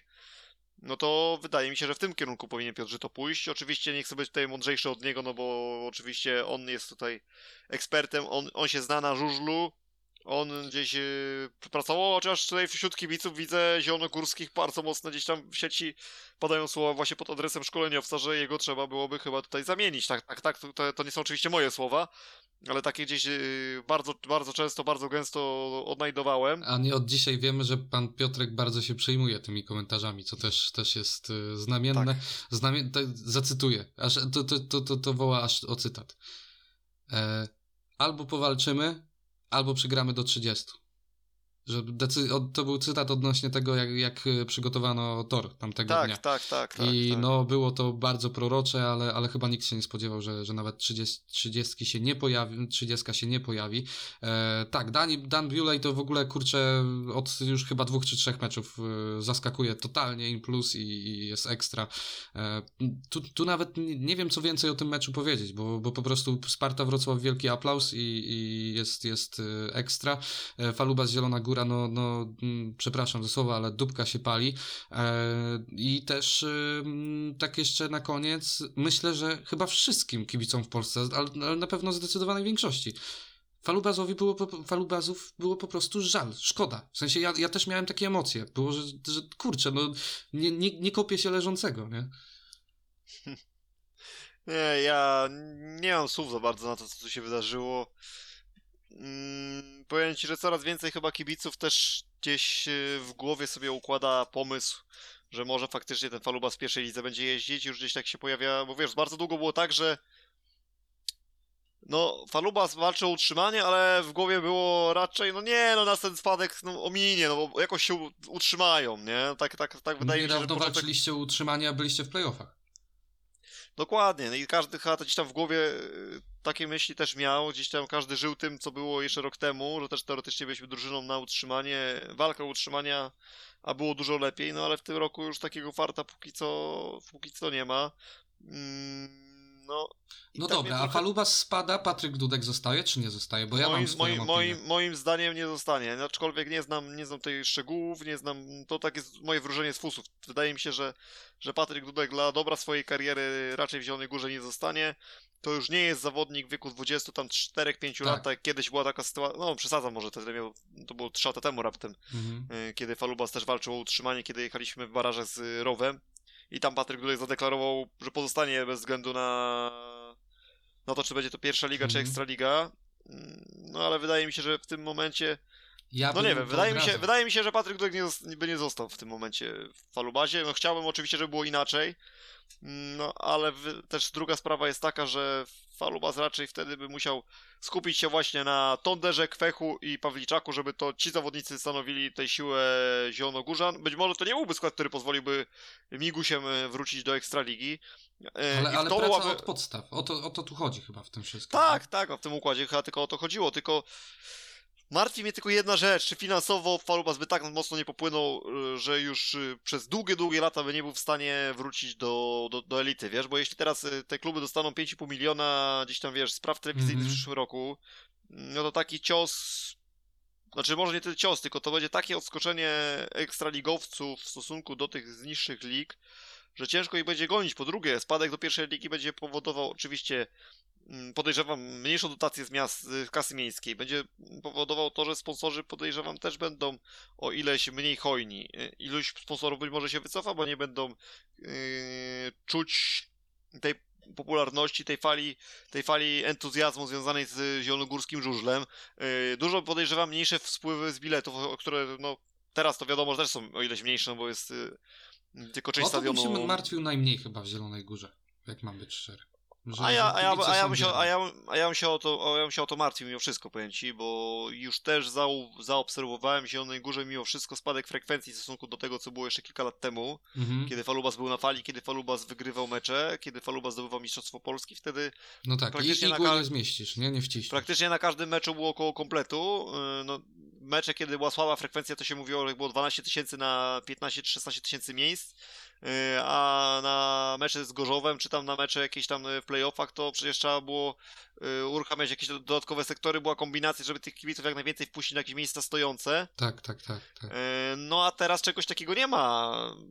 Ja nawet mm, z tego co kojarzę, to jeszcze przed pandemią ostatnie chyba derby, tam chyba też nie było czegoś takiego, żeby wszystkie bilety były wyprzedane, żeby nie dało się kupić Mhm. biletów w dzień meczowy. Mogę się mylić, ale wydaje mi się, że. Też mi się tak kojarzy. Kie... Słuchaj, kie... jeszcze 6-7, może 8, dobra, trochę, trochę dalej, 8-9-10 lat temu y, nie kupienie biletu sobie wcześniej oznaczało, no, że prawdopodobnie na ten mecz się nie wybierzesz, tak? Albo Dlatego kupisz dużo od więcej konika ludzi- pod stadionem. Więcej ludzi kupow- miało wtedy karnety niż teraz, a w tej chwili, powiem ci, jeśli ja bym miał jechać na Falubas, to raczej się nie martwię o to, czy kupić bilet, czy nie kupić. W zeszłym roku raz się, powiem ci, zmartwiłem, szybko kupowałem bilet, yy, co była tylko część stadionu otwarta, wiesz? No, I wtedy, no, no, wtedy tak się pośpieszyłem, a później się okazało, że wcale nie ma problemu z tymi biletami. Na każdy mecz można było spokojnie przyjechać na stadion i po stadionem sobie yy, zakupić, czy nie? Nie, wtedy była chyba tylko sprzedaż internetowa. W każdym razie mogłeś to przed samym wyjazdem sobie Tak, kupić tak, i tak. bez problemu, bez problemu nie, ma, nie trzeba było się martwić, że tych biletów zabraknie. No to też o czymś chyba świadczy, tak? Że jednak to zainteresowanie mocno spadło. Mm, Zaraz ktoś może powiedzieć, że to strach spowodowane pandemią. No Ja się z tym nie zgodzę, bo już te problemy z frekwencją w Zielonej Górze pojawiały się już y, moim zdaniem wcześniej Mhm. i no i teraz ta pandemia dodatkowo może jeszcze tutaj Spotęgowała. mm, te spotęgować te, problemy. ten problem. Wiadomo, że ci najwierniejsi fani z, tej, z tego pierwszego wirażu, oni będą zawsze na dobre i złe z falubazem i tutaj akurat to się nie zmieni, no ale do kasy, do kasy klubowej będą wp- wpływać środki nie tylko z tego pierwszego wirażu, tylko zawsze wpływają z całego stadionu. No i Tak, jeśli, tak, tak. nawet jeśli by się frekwencja na sektorze K nie zmniejszyła, a myślę, że i tak się zmniejszy, no to zmniejszy się na całej reszcie stadionu, więc tak czy siak ten portfel mocno, mocno się uszczupli w Zielonej Górze i później będzie bardzo, bardzo ciężko klasowego zawodnika do Zielonej Góry sprowadzić. Y, Chociażby jeśli Patryk Dudek odejdzie, to co wtedy powie, powiesz Damian? No jak, jak go później sprowadzić z powrotem, kiedy Kiedy on już poczuje smak tak naprawdę i wyjazdu z swojego rodzinnego miasta i, i większych finansów, bo zapewne takie się pojawią. E, tak, tak, tak, tu się zgadzam. Ale troszkę ukrócę tą dyskusję, bo wydaje mi się, że my za tydzień na ten temat będziemy mogli porozmawiać dużo bardziej realnie. E, I niestety e, to mówię, bo, bo wydaje mi się, że e, jeżeli któraś z drużyn, jeżeli Falubas nie zrobi bonusu, a będzie o to bardzo trudno w meczu z Toruniem, no to, to tak naprawdę jest na troszkę straconej pozycji i tutaj tylko wygrana w Grudziądzu już pozostanie. E, więc, więc no... Nie no, nie, przesadzaj, nie przesadzajmy, bo myślę, że bo, bo o, bonus, o bonusie tutaj to ciężko, na przykład mi, mi jest ciężko, bo ja w ogóle nawet nie myślę o bonusie z Toruniem, ja tu myślę tylko o wygranej, tak? No to, E, a, więc- a wiesz, a mm, Toruń ma w tym momencie 4 punkty i nawet jeżeli się pojawią dwa punkty, to Toruń, Toruń ma plus jeden i w tym momencie trzeba wygrać z Grudziądzem e, w przypadku Ale, dlaczego, ale czemu mówisz, że wygrać z Grudziądzem? No bo już nie, nie macie, nie macie okazji, nie macie, nie macie gdzie. No, ale przecież, ale przecież remis też premiuje Falubas. E, Remis premiuje Falubas w meczu z Grudziądzem. Tak. Tak, masz, masz rację, masz rację. Remis też. Remis też to. Wiadomo, że to się czepiam szczegółów, no ale Tak, generalnie tak, no, tak. czter- no to już zawsze 45 punktów niż 46, tak? Tak, to tak, czasami tak, tak, y, się wydaje, że to jest pierdółka, ale koniec końców się później okazuje, że jednak Oczywiście. decydująca. No i zobacz ten jeden punkt, który z tą Spartą osłabioną zrobili w Grudziądzu. Zobacz, jak to w tym momencie zmienia całkowicie sytuację, co, co nie? Yy, I druga rzecz, jeszcze ci yy, popowiem, zobacz jak w zeszłym roku ten jeden punkcik yy, w walce o playoffy pomiędzy Falubazem a Motorem Lublin zadziałał. Owszem, owszem, i, i tak, i te, te, te punkciki, te bonusy później, dlatego ja wolę drugą część sezonu zawsze, bo jakby bierzesz zeszyt i zaczyna, zaczynasz faktycznie liczyć to wszystko, nie czekasz, wiesz, na, na to, co się wydarzy, tylko, tylko już liczysz. E, no nie wiem, ja tutaj liczę na to, że Falubas się po prostu podniesie z No kolan. ale, ale, ale słuszna uwaga, że tutaj chyba no faktycznie Falubas musi, musi walczyć o 52 punkty, ale, ale, ale, kim, czym, jak? no, ale. No nie wiem, nie, nie wiem, nie wyobrażam sobie, nie wyobrażam sobie tego na tę chwilę, no ale tak mówię, nie skreślajmy, Nie skreślajmy, to jak najbardziej. bo to jest żużel, to się może wydarzyć wszystko. Być może Piotrek Żyto wyciągnie notatki z 2009 roku i, i znajdzie te przygotowanie tego Mhm. toru, o ile oczywiście komisarz tego nie odrzuci, bo podejrzewam, że No gdyby Piotrek Żyto te tory przygotował w 2009 roku, to... To odwołany mecz walkover jest się do domu, słuchaj. Tak, to, to myślę, że mecz byłby odwołany zanim jeszcze komisarz by przyjechał na, Tak, na, tak, na tak, tor w tak, Zielonej tak, Górze. tak. Myślę, że samo zdjęcie gdzieś by było wystarczyło, Tak, tak, tak. To, to żeby się z, tryb, zgadza. z trybun zobaczyć jak ten tor wygląda i by było po meczu. No ale może chociaż w jakimś stopniu nawiążę do tamtych czasów i spróbuję tych chłopaków w ciągu tygodnia do takiego toru przygotować. Też warto byłoby, wiesz co, zrobić jedną rzecz, której, którą myślę też trzeba powoli zacząć wprowadzać do naszego może tutaj podcastu, żeby luknąć zawsze na tą jeszcze pogodę, bo mm, Ja właśnie nie lubię spoglądać na pogodę, ewentualnie piątkowe mecze. Mm, To, to, to tak, jak nagrywamy we wtorki, dzisiaj wyjątkowo w środę, bo tutaj sf- sfery prywatne się jeszcze pojawiły, ale zazwyczaj we wtorki, słuchaj, Wiktor, u mnie pogoda jakby nie zdaje egzaminu, jeżeli. Eee, tylko ja ci powiem tak, jeśli prognoza się sprawdzi, to meczu w niedzielę nie będzie. No ale właśnie teraz też mówiłeś, że mo- mogły być gdzieś tam jakieś, e, no i były w Lublinie, gdzie właśnie chyba nie, nie, nie, nie mówiłeś o tym, że może być zagrożony. Bo chyba tam Jakby- nawet nie sprawdzałem pogody akurat na Lublin. No, no, tak więc... Patrzyłem na Częstochowę, pamiętam. Jakby Jarosław Kret jest jeden, ja nie będę mu za, zapierał pracy. tak. Nie, ale wiesz co, no martwi mnie to, bo jak patrzę między... co- o- Opady są naprawdę obfite na niedzielę w tej chwili. No miejmy nadzieję, że to się jest tylko taka, taki straszek, bo jeszcze jest faktycznie sporo czasu do, do niedzieli. Yy, piątek wydaje się być niezagrożony, bo tu żadnych opadów nie ma. Opady zaczynają się dopiero w sobotę, yy, Mhm. więc te mecze piątkowe powinny się odbyć zgodnie z planem. Yy, A co do niedzieli, to będziemy oczekiwać. Też temperatura troszeczkę wyższa się zrobiła, bo mamy Tak, tak, to też 22-24 prawda. stopnie. Też myślę, że to będzie miało jakiś tam wpływ na, na to, co się będzie Na działo. pewno. I na pewno też miało to dodatkowo jakiś tam wpływ na to, co się działo w Zielonej Górze, wiesz, bo jednak ten tor był, no, Był przy wysokiej temperaturze jeszcze bardziej się... Jeszcze... wyjeżdżała nawet po drugim biegu, czy coś w tym stylu. Tak, tak, była taka sytuacja, więc to też ma, też ma znaczenie. Dobrze, Mhm. może przejdźmy już do omawiania co ostatniego spotkania No tak, tej ja tylko tak kolejki. zakończę, że, że faktycznie jako sąsiad z zamiedzy zdarza się bardzo często, że nie życzę wam dobrze, ale, ale w, ty, w tym kontekście jakby dla samej sportowej rywalizacji, żeby to wszystko było do, do końca, e, to, to żeby tutaj troszkę się polepszyła sytuacja, troszkę to jest też eufemizm, e, no trzeba wywrócić wszystko do góry nogami, żeby coś się w tym falubazie zmieniło w tym sezonie i, i zobaczymy, bo wydaje mi się, że za tydzień, a już na pewno za dwa będziemy mogli oficjalnie mówić, kto jakby najprawdopodobniej spadnie z tej ligi. E, no i co, ale właśnie ten ostatni... Ja tylko chcę Mhm. jeszcze podsumować jedną rzecz, yy, jeśli chodzi o Zielonogórzan. Yy, tutaj yy, chciałbym, żeby moja dętka kolejki powędrowała do Mateja Żagara. Mm, No to znowu, wiesz co, nie, nie róbmy chyba tego osobno, co? Bo to nie ma, nie ma sensu. Wybierajmy wspólnie. Czyli nie, tak- nie moja dętka kolejki, nie twoja dętka kolejki, tylko nasza dętka Nasza kolejki w dętka kolejki, tak. Nasza dętka kolejki, ja już ją wybrałem zdecydowanie przed meczem, em, więc... więc Przed meczem mówisz, już wiedziałeś, kto, że to Matej Żagar Przed- będzie? Przed nagrywaniem, przed nagrywaniem. E, tak, ale przed, przed, przed nagrywaniem już ją wybrałem sobie, nie musiałem się nawet zastanawiać. Tak, Matej Żagar, dętka kolejki oficjalnie, więc, więc to tyle i co. I, i, i Zamykamy tą książkę i nie Przejdźmy, wracajmy do niej. Przejdźmy, przejdźmy do no, najbardziej emocjonującego meczu tej kolejki. Zdecydowanie Motor Lublin podejmował Fogonię Leszno em, na własnym torze. No i cóż, powiedz pierwsze zdanie wprowadzające odnośnie tego meczu. Y, Tutaj może niech zadzwoni Piotrek Żyto do tutaj y, Lublina. Jak oni ten tor przygotowali, że po pierwszej serii było 16-8 dla motoru i ta przewaga utrzymała się już do końca spotkania. Tylko w Leśnie, y, przepraszam, w Zielonej Górze też były takie sytuacje właśnie, że, że początek był. Początek był, tylko później odjeżdżało. Y, No to lepiej, żeby był chociaż początek, a w tym wypadku nie było nic. No w tym wypadku nie E, było nic. I druga sprawa. Tu trzeba zapytać właśnie, jak to zrobić, żeby te 8 punktów zdobyć i później je utrzymać. Tutaj, więc... No tak, tak, tak. Później utrzymać faktycznie. Nie zwróciłem na to uwagi, ale, ale tak, tak to wyglądało, nie? że początek był e, początek był na, na korzyść e, koziołków z Lublina i później jakby ta przewaga była utrzymywana. W- Widzisz, nie zwróciłem na to uwagi kompletnie. No te, gdzieś tam był taki moment, że faktycznie się y, Unia troszeczkę zbliżyła, no ale jakby kontrolę, można powiedzieć, jednak motor miał nad tym Miał. spotkaniem. Y, Też y, co tutaj się rzuciło w moje oczy, to jest to, co już mówiliśmy kilkukrotnie, że motor nie ma takich y, rakiet, takich y, prawdziwych liderów, ma taki team spirit, ma taki, taką ym, drużynę wyrównaną No i to dzisiaj się idealnie objawiło, ale dzisiaj to się objawiło z takim perfekcyjnym efektem, czyli zwycięstwem z mistrzami Polski, mm, bo faktycznie wszyscy bardzo porównywalnie punktowali. Tak, tak. Cały, cały skład, y, jak się spojrzy.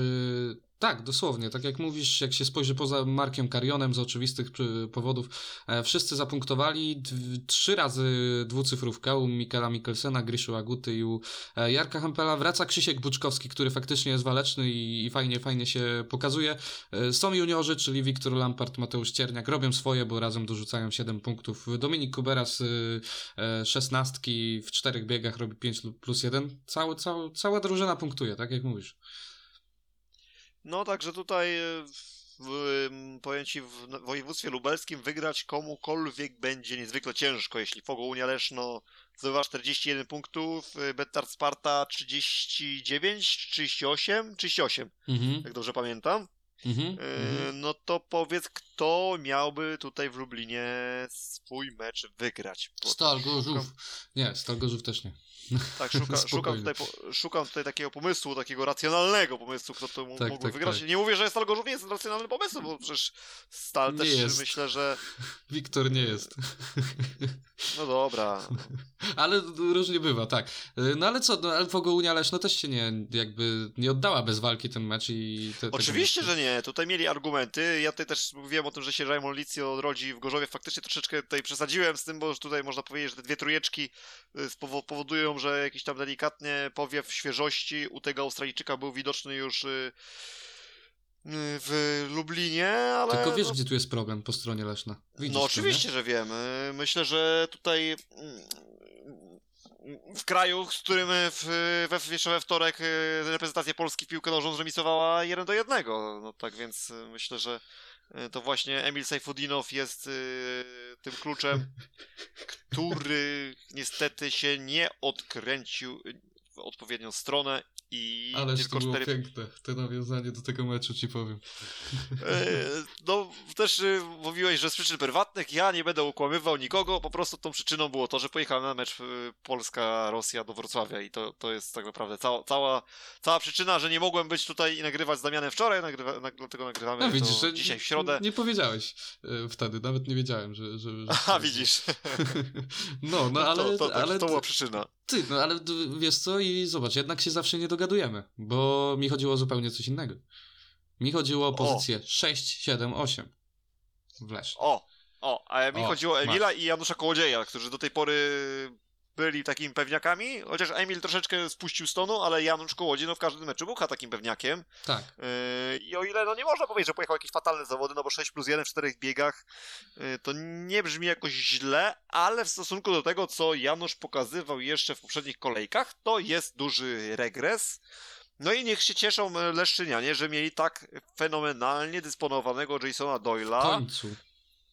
w końcu i nie w końcu, bo przecież też, też to już miewał też mecze takie przecież chociażby dwie kolejki temu, znaczy dwie kolejki temu, dwa weekendy temu, to Mhm. była bodajże kolejka numer 5, Pięć albo kiedy w Grudziądzu też jechał z błyskiem. Tak, tylko że Grudziądz to Grudziądz, Lublin to Lublin. Jakby, jakby Oczywiście, też, oczywiście, też... tutaj od tego abstrahuję i ja powiem Ci, że tutaj Jason Doyle to był trzeci taki zawodnik, o którym myślałem jeśli w kontekście kozaka kolejki, bo Te zero, też... nie? Nie pasowało.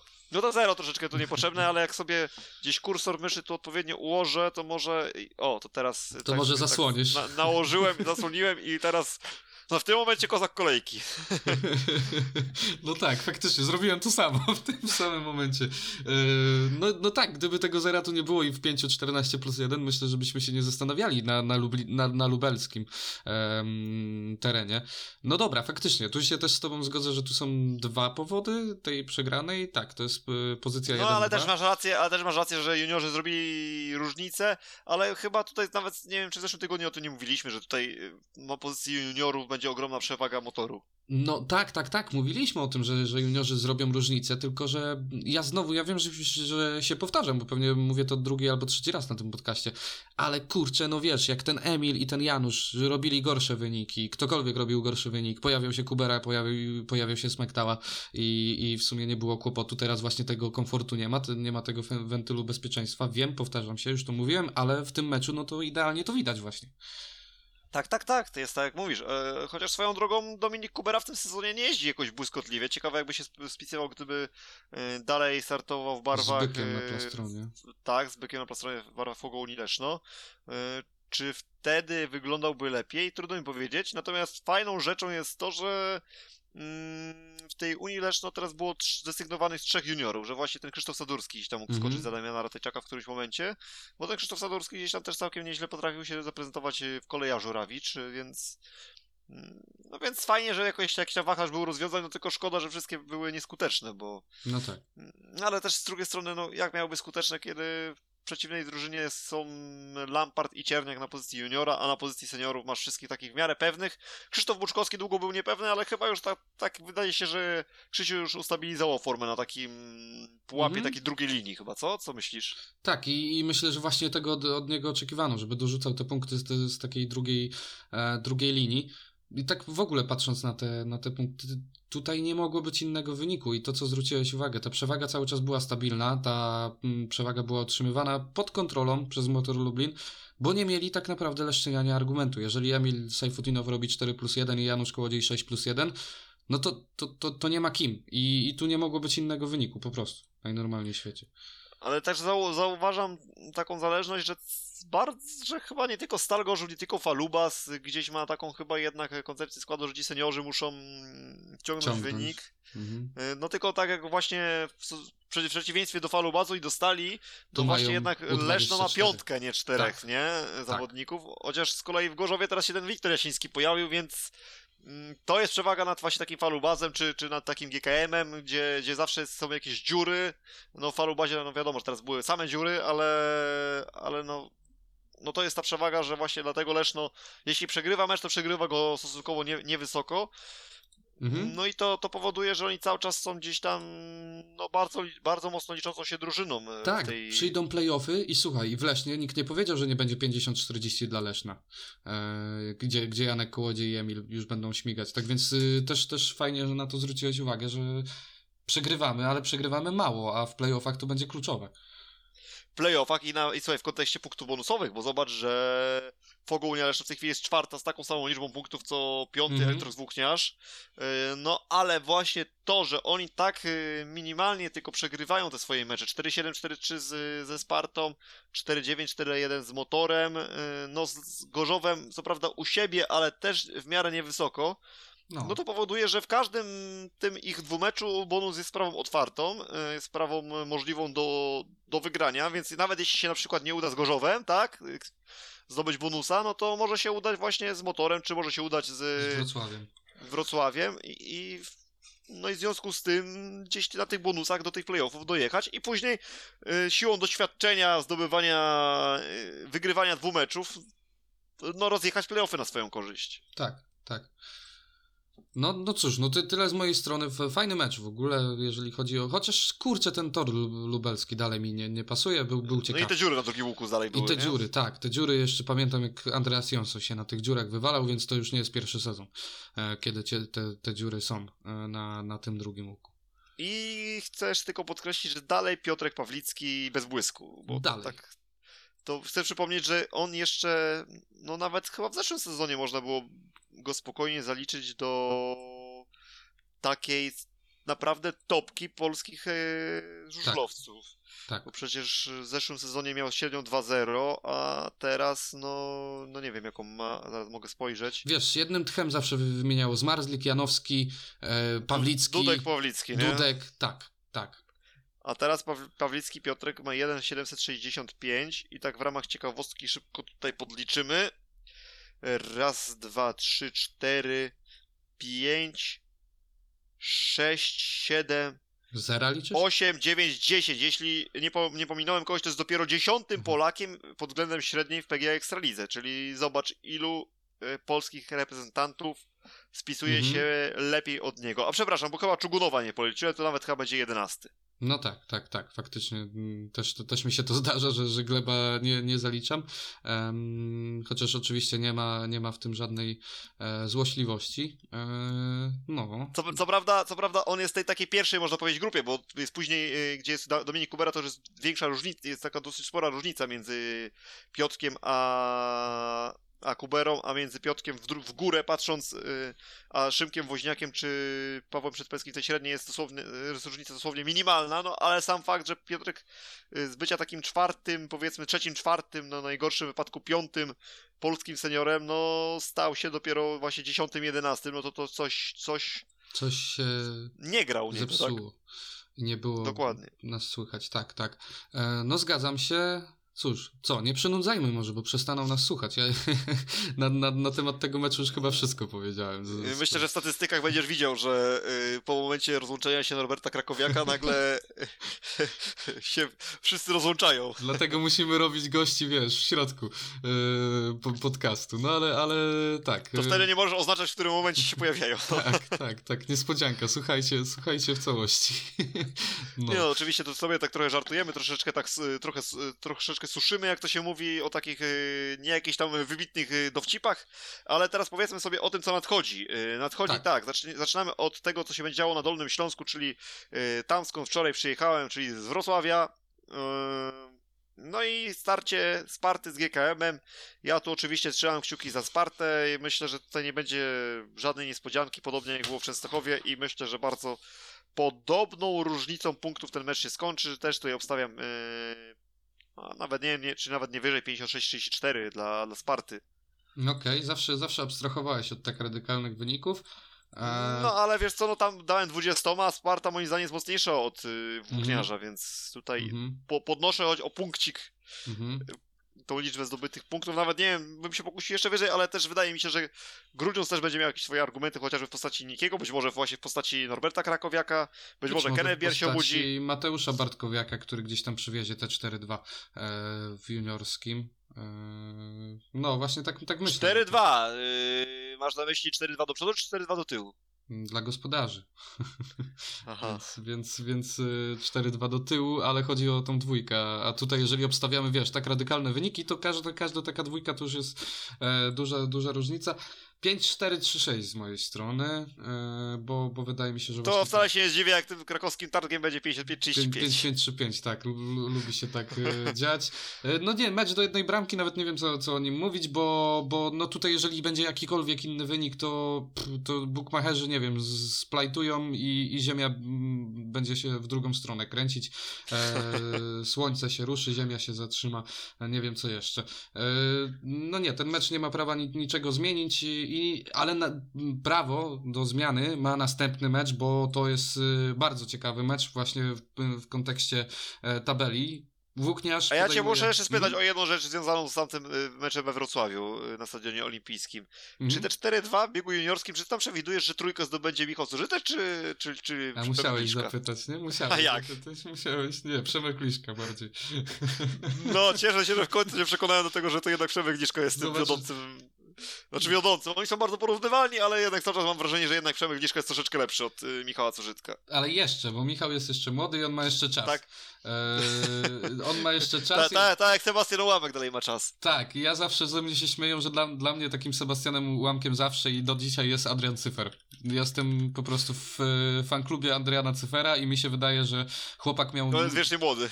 Mm, To, to już może nie, ale chłopak miał ogromnego pecha, że trafił akurat na rocznik Bartosza z Marzlika, bo tak naprawdę w sumie jego średnia biegu punktowa i w ogóle wyniki na tym bardzo cierpiały i pamiętam jak wszyscy się ze mnie śmiali, że, że mówiłem, że jeszcze zatęsknicie na tym za tym ziomkiem, kiedy odchodził ze stali po, po wieku juniora i co się okazało, dwa sezony później mówię, kurde, ale ten Adrian to by nam się przydał, nie, na tej juniorce, bo, bo jednak robił robotę. E, no, ale to już taki off-topic mocny. E, włókniarz Nie motor. szkodzi, takie off-topiki czasami też są potrzebne, e, a ty już y, się tutaj, z tego co słyszałem, chciałeś przenieść ponownie pod Jasną Górę, gdzie tam będziemy świadkami, myślę, bardzo ciekawego pojedynku, y, gdzie nawet bonus jest jeszcze kwestią otwartą. Chociaż ja, szczerze, jeśli mam być szczery, jednak bonus widzę po stronie jednak lubelskiej. Mhm. Jednak po stronie lubelskiej y, już patrzę na drugą kolejkę, bo zapewne w tej się ścigali w Lublinie. Em, Pierwszej. W pierwszej się To ścigali. jest przepraszam. pierwszy mecz tak, rewanżowy. tak, tak, tak. Um, 4-9-4-1. Faktycznie, bonus jest sprawą otwartą w pełni i wydaje mi się, że, że nawet ten bonus będzie najciekawszym fragmentem tego spotkania, bo strzelałbym, że minimalnie wygra e, Włókniarz. Tylko No, ale, pytanie... tego, ale, ale też ci się wydaje, że jednak bonus y, na korzyść Lublina pójdzie? Tak. Czyli tutaj jesteśmy zgodni. y, Tak, albo, albo ewentualnie... Ale wiesz, czego, ale wiesz, co będzie moim zdaniem największym smaczkiem tego spotkania? Y, Starcie Wiktora Lamparta, Mateusza Cierniaka z U. Jakubem Miśkowiakiem i, i właśnie z tej, ze Świdnickim. To faktycznie. myślę, że będzie no, starcie dwóch najmocniejszych par juniorskich. To będzie na pewno ciekawe. Wiadomo, faworytem oczywiście Jakub Miśkowiak, Oczywiście. ale, ale myślę, że przyjezdni wcale nie będą bez szans w tym starciu. Tylko wiesz, teraz wyobraź sobie, że Włókniarz wygrywa za 3 w tym spotkaniu. I spójrz na tabelę. Zobacz, co się dzieje. Tutaj już nie ma miejsca. Tu, tu już ktoś musi powoli mówić stop i, i nie wiem. No bo, bo faktycznie, jeżeli oni wygrają, będą mieli 11 punktów, tyle co Lublin, No to wyprzedzą motor. który jest obecnie liderem rozgrywek. No, no, naprawdę, ja nie pamiętam dawno tak wyrównaje, wyrównanej ligi. Naprawdę. Ale pamiętaj, przypomnij sobie też w zeszłym roku jak było, przecież tam też było tak, że w ostatniej chyba tej 14 kolejce tam chyba trzy zespoły, czy cztery Mhm. jeszcze nie, nie było wiadomo, czy w playoffach będą. Co Falubas y, tam wjechał, a tam faktycznie tam ma, Faktycznie. tam pamiętam, tam wszystko się w jednym punkcie dosłownie mie- mieściło i tam Mhm. chyba w zależności czy Falubas 51-39 wygra, to była chyba inna obsada playoffów, 52-38 chyba była inna obsada playoffów Tak. i 53-37 dla motoru to też byłaby inna obsada playoffów. Nie wiem, czy powiedziałem, że Falubas wygra, oczywiście przegra. Yy, Mhm. ty, ty, ale robiąc 37, 38, 39 punktów, wydaje mi się, tak mi się coś kojarzy, to była taka właśnie sytuacja, że, że było to wszystko takie na, na ostrzu noża, aż sobie, powiem ci, otworzyłem tabelę zeszłego sezonu i powiem ci, że mam dokładnie, chyba mam rację, bo tak, druga Stal Gorzów miała 21 punktów, a szósty Motor Lublin miał 19. No, wow. Czyli wow, w dwóch punktach faktycznie. były aż, yy, było aż pięć zespołów. Mhm. Więc, no ale fajnie, że ta liga jest taka wyrównana, bo teraz y, od, też jest, dalej będzie wyrównanych pięć zespołów, tylko między pierwszym a piątym, wtedy było między drugim a szóstym. No ale teraz za to mamy dzięki temu walkę trzech zespołów o utrzymanie, co też jest mega No emocjonujące. tak, no w zeszłym roku Rybnik miał dwa punkty, no i w sumie Tak. wszystko było rozstrzygnięte. Tak, na, na, na stali Gorzów, pamiętam. E, tak, e, no, ale... ale Tak. Z Kamilem Nowackim w tle. tak, z Kamilem Nowackim w tle. Pozdrawiamy Kamila.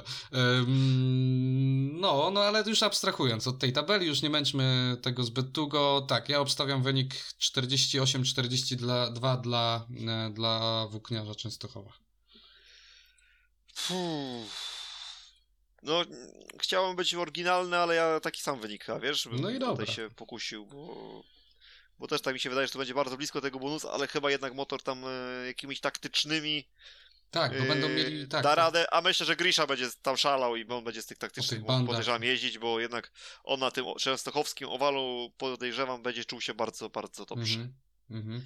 No dobra, tu jesteśmy zgodni, ale strzelam, że niezgodni będziemy w następnym meczu ósmej kolejki, jeżeli chodzi o wynik. Tak mówisz? Falubas Zielona Góra na własnym torze za Patorem Toruń. Mecz o utrzymanie, moi mili.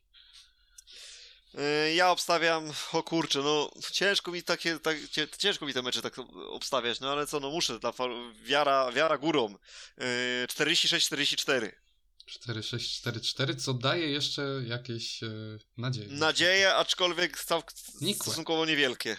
Nikłe, nikłe. Ja powiem ci, że ty, wiesz, nie, nie chcę się pastwić tutaj nad, nad Falubazem, absolutnie, nie o to mi chodzi, tylko tak obiektywnie patrząc na tą tabelę, mówię, kurczę, przecież oni nie wygrają z bonusem z, z Toruniem, a jeżeli nie wygrają z bonusem z Toruniem, no to już mają, tak wiesz, 80% szans e, na to, że, że niestety się... No i jeszcze można szukać później ewentualnej jakiejś Grudziądz. wygranej z Częstochową u siebie, bo też przypomnij, przypomnij sobie, że Falubas w Częstochowie się pokazał z dobrej strony, Tak. 49-41.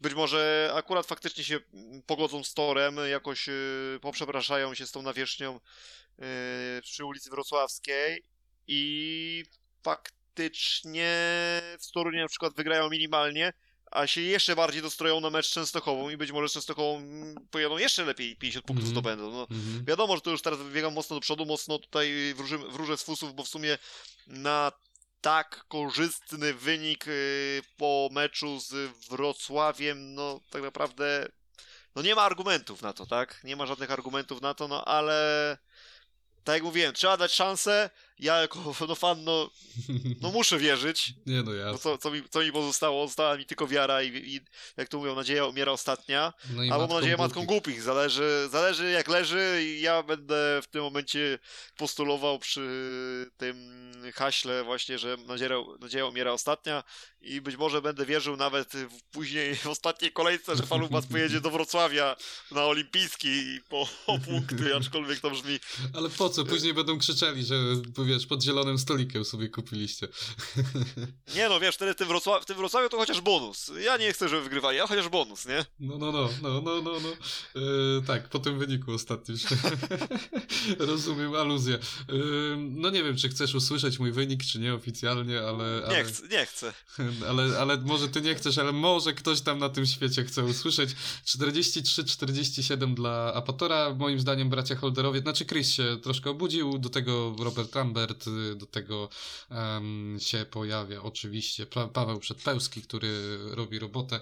No niestety 4-3, 4-7, ale no jakby nie zamykam tu możliwości ani w jedną, ani w drugą. Przyjmuję ten, ten, ten twój typ na klatę. Dobra, to już uciekając od tematu, bo zaraz może być e, mniej przyjemnie. Stal mm, u siebie i Unia Leszno na wyjeździe, czyli e, wicemistrz Polski podejmuje mistrza Polski. 45-45. Wow. Wow, wow, wow. 45-45. Eee, Co, ta, tak wow, wow, wow, czy, czyżby ta historia takich, takich scenariuszów już w swojej przeszłości nie widziała? No, z, z Lesznem na pewno widziała właśnie, to, to, jest, to jest prawda. To jest prawda, ty- tym bardziej, że ten Wiktor Jasiński, kurczę, moim zdaniem juniorów robi w ciemno em, Leszna, więc kurczę, no jest szansa, ale z drugiej strony, tak jak mówię, z Apatorem to nie wyglądało pięknie, a jeżeli przyjedzie Unia, może być mniej pięknie. Ja wiem, że nie będę obiektywny, nie? Przy teraz. Ja wiem, ja wiem, ja wiem. Ale to ile razy ja taki nie jestem? No, a ja lubię właśnie być obiektywny, e, ale czasami, czasami nie idzie to po, mm, e, po mojej myśli. No przecież nie możesz na głos powiedzieć, yy, gdzie ktoś słucha tego, no że, że Stal Gorzów sobie może nie poradzi. No mów, pow, powiedz to. No, 4, 6, 4, 4. No i teraz słucham argumentów yy, za. Yy, I- ej, mówię. Wiktor Jasiński. Wiktor Jasiński. Wiktor Jasiński jest argumentem za w tym wszystkim, e, szczerze mówiąc, bo moim zdaniem, wiesz, jeżeli się po, postawi obok siebie Szymka Woźniaka, Piotrka Pawlickiego, jest mniej więcej na remis z delikatnym zaznaczeniem, to już obiektywnie mówię, z delikatnym zaznaczeniem mimo wszystko na Szymka u siebie, bo ten mm, Piotrek jakby nie błyszczy. E, masz lidera, czyli no kogo stawiamy jako lidera? Chyba Emila w dalszym ciągu w Lesznie, prawda? No, który teraz jest po takim troszeczkę No słabszym właśnie. okresie, można powiedzieć. I masz Bartka z Marzlika. No nie ma skali porównawczej. Masz Janusza Kołodzieja, którego bym zestawił wspólnie z e, Andersem. Thompsonem. Tak, No to jednak ja tutaj na Janka daję. tak. Ja bym tu też delikatne zaznaczenie na Janka Kołodzieja, ale masz Jasona Doyla z Martinem Waculikiem. I tu jest moim zdaniem idealny remis między tym, tą dwójką. I tu się pojawia właśnie w tym momencie, no ale właśnie, się pojawia Jamon Litzy i Markus Birkemos. No właśnie. No, tylko w tym układzie, no, Wiktor Jasiński gdzieś tam może wkroczy No do właśnie. akcji i, i gdzieś tam troszeczkę załata te... Ja ci powiem więcej, w juniorskim 4-2 Kamil Nowacki robi, robi Sadurskiego łamane przez, yy, o Jezu, kto tam był tym, tym, tym następnym? Pludra. E, Plud, nie, Kacper Pludra właśnie robi dwójkę. Da- A, chodzi ci E. łamane w sensie, że jeden z nich, ty, to Ratajczak. Ratajczak, przepraszam, zapomniałem. E, A mówisz, że z Pludrą sobie nie poradzi? Nowacki u siebie? Wydaje mi się, że nie. Ja bym tu 4-2 obstawiał, ale nawet Nowacki robi, robi gdzieś tam juniora em, Leszna i dlatego 4-6-4-4 to jest mój argument juniorzy. No tak, i w sumie wydaje mi się, że całkiem słuszny argument. Y, Też, też bym ten e, argument wybrał, e, a tak w ramach podkreślenia, jak ten wynik jest realny, to przypomnę, że taki wynik, czyli 45-45, e, miał miejsce w Gorzowie 27 lipca roku 2018. I wtedy przypomnę, że Martin Waculik też jeździł już dla Stali Gorzów, zdobył 10 punktów.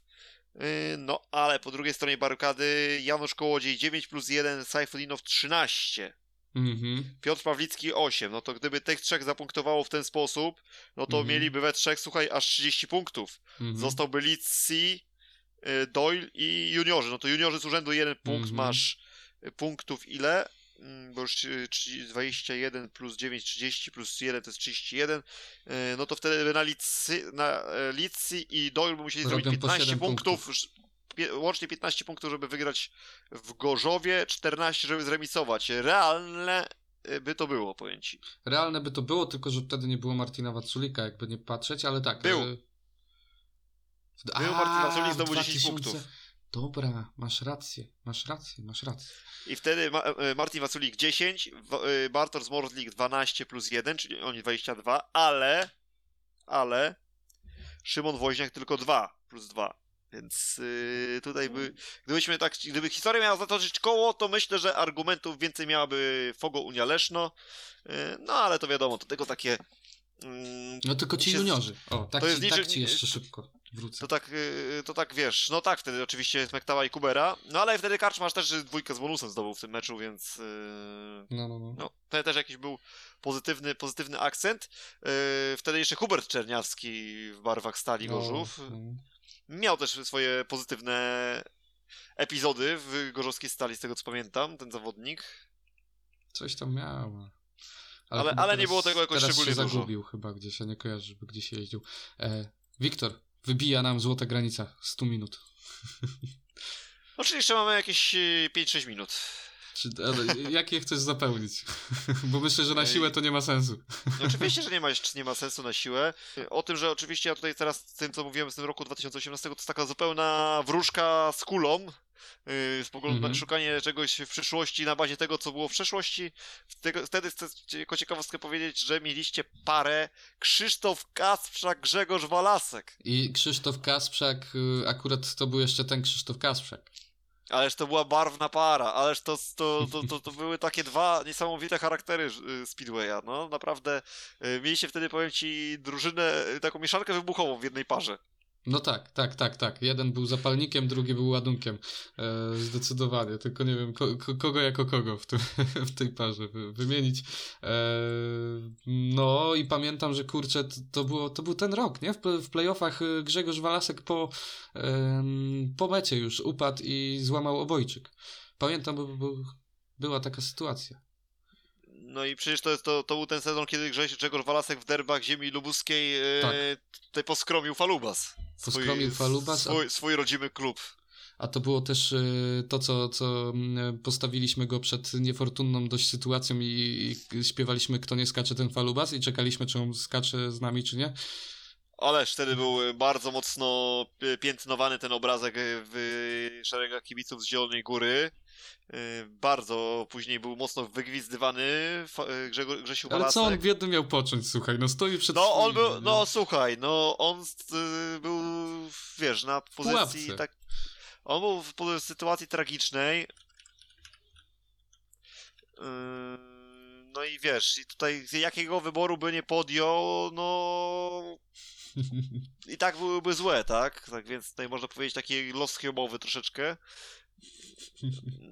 No ale, ale z, drugiej strony sam sobie wybrał ten los, tak? No bo przecież kto kazał yy, podpisywać kontrakt ze Stalą Gorzów? A wiesz, no, moim zdaniem to też inny troszkę temat, ale, ale faktycznie wiesz, to są też ludzie i bardzo szybko... Oczywiście, oczywiście, Słuchaj, tylko tak Jack- sobie...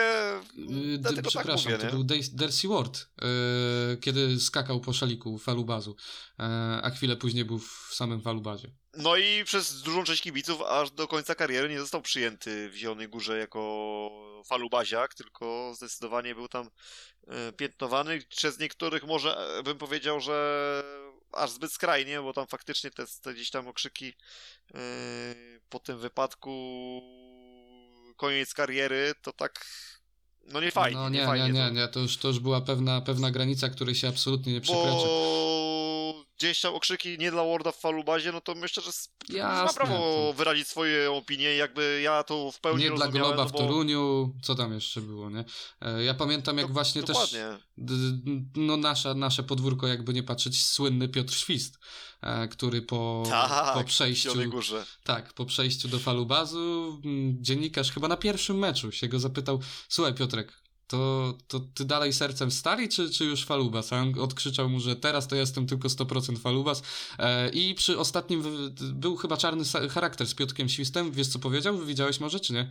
Nie, nie, nie, ale możesz mi powiedzieć. E, To tak właśnie na koniec, bo już nam się sto, te 105 minut pojawia. E, Piotr Świst powiedział, że żałuje tych słów do końca życia, bo miał okazję być e, ikoną w jednym mieście, a okazało się, że, że, że jakby te, te słowa zniweczyły kompletnie jego, jego, wiesz, renomę, jego prestiż w Gorzowie i absolutnie żałuje do dzisiaj do, i do końca życia będzie żałował tych słów. No a pytanie, czy też troszeczkę nie żałuje tej swojej decyzji, bo do takich, takich słów by też nie doszło, gdyby takiej decyzji wcześniej nie podjął, prawda? Więc to jakby jedno wynika z drugiego, troszeczkę, no... Tylko ja ci tak powiem, że w Gorzowie nikt nie mówi o tym, że on przeszedł do falubazu. On wszyscy mówią, mają do niego żal o te słowa. Głównie, naprawdę. Ale powiedz mi, nie byłoby żalu o samo przejście... Gdyby nie do- było- nie było gdyby tych nie było słów. tych słów? E, nie wiem, nie wiem, na pewno by były, ale zupełnie serio ci mówię, że na pewno nie na taką skalę. Oczywiście, no się zgadzam, no nie ma, nie ma o czym mówić, a też jeszcze tylko chcę zwrócić uwagę na Grzesia Walaska. Y, Pamiętasz, y, jak on wtedy uciekał od jakiegokolwiek wywiadu, po tym Tak. jak pojawił się w Stali Gorzów? On się tak bał panicznie tego pytania o, o, o to, dlaczego się pojawił właśnie w Gorzowie, że no, porozmawianie z nim to była, była praktycznie rzecz niemożliwa. Ja pamiętam, że później właśnie, to nie to nie był ten sam rok, czy to było rok później? W którym, w którym roku Krzysiu Jabłoński zakończył karierę? 2018 czy 2019? Wiesz co, zabij mnie, nie pamiętam. Wiem, że kończył chyba w Gnieźnie, nie? Tak, w Gnieźnie, w Gnieźnie i, na, i powiem ci więcej, myślę, że mamy yy, na Facebooka mam zdjęcie z tego turnieju z pucharem Norberta Krakowiaka, więc myślę, że to będzie zdjęcie, które będzie mogło, będzie ozdobą tego naszego dzisiejszego odcinka i myślę, że tym oto akcentem podsumowują, myślę takim nawet podsumowującym troszeczkę to, że właśnie dzisiaj się Norbert e, z nami pojawił, tak w ramach przypomnienia, jakby już ktoś zapomniał, bo to e, już było e, praktycznie godzinę temu. No i co, ja dziękuję wszystkim, którzy nas dzisiaj słuchali, zapraszam do śledzenia mm, kolejki numer 8 w PGA Ekstralidze. E, A jeszcze jedną tylko anegdotkę miałem dzisiaj, sobie teraz przypomniałem, co miałem powiedzieć. E, W momencie, kiedy rozmawialiśmy tam chwilowo o PSG Poznań, miałem powiedzieć, czy widziałeś, jaka sytuacja się zdarzyła, e, taka nietypowa teraz Tak, Poznaniu? widziałem, widziałem, widziałem, widziałem, jak najbardziej widziałem. No, sam mi napisałeś, że takie rzeczy tylko w Poznaniu, nie? No, ale zauważyłeś, że tam, no w tym Poznaniu, ten Poznań jest jakiś pechowy. Kiedyś była sytuacja z Gregiem Hancockiem, kiedy yy, jeździł w Stali Rzeszów yy, za czasów Ireneusza Nawrockiego, kiedy yy, tam chyba nie miał o, tych aktualnych badań chyba, prawda? Coś takiego Tak, było tak, tak, i tam tak, był tak. wezwany lekarz, że tam niby PSG go nie wpuścił, PSG Tak. później odbijał piłeczkę, że oni go nie, nie bronili mu wejść, tylko wystarczyło bilet kupić na, na, na, na, na zawody, tak? Także no tam było dużo takich, wiesz, takich nieprzyjemnych sytuacji, no ale dobra. Była jedna, inna jeszcze nawet sam byłem y, na jednym chyba i na drugim meczu, bo chyba na Stali Rzeszów byłem wtedy na meczu, tak byłem. Byłem też na meczu PSG-tu z kolei, już nie pamiętam z kim to było, ale była sytuacja absurdalna, y, że y, gdzieś rura pękła, jak dobrze pamiętam, w polewaczce. Tak, tak, tak. I straż I pożarna. wylała się gdzieś na wejściu w łuk i, i tor nie Tak. nadawał się do jazdy. No Tak, przecież tak, i teraz- i, I teraz Rafał Karczmasz wjeżdżający w taśmę, będąc na drugim okrążeniu, to jest po prostu no, Tak, Dla tych, kwintesencja którzy nie wiedzą, tam Golecina. była awaria taśmy startowej, która padła w dół w trakcie jazdy i, i Rafał Karczmarz w nią e, po prostu wjechał. Na całe szczęście obyło się bez żadnych tam przykrych e, sytuacji, ale, ale to tak, to, to się wydarzyło i faktycznie ten Poznań coś sobie ma. Em, no. Tą ciekawostką chyba kończymy, co? Tak, tą ciekawostką kończymy. Ty tam zapraszałeś do śledzenia ósmej kolejki. Ja tak szybko z e, dziennikarskiego obowiązku zapraszam do obserwowania kanału na, na, na Spotify, bo e, co tydzień mamy ciekawych gości, co tydzień mamy jakieś e, podsumowanka i, i żeby to wam nie umknęło, zapraszamy jak najbardziej do kliknięcia tam w przycisk obserwuj, ale tej autopromocji już niech się stanie zadość i dziękujemy wam pięknie, że z nami byliście. Życzymy miłego tygodnia. Cześć! Cześć, papatki, dziękujemy.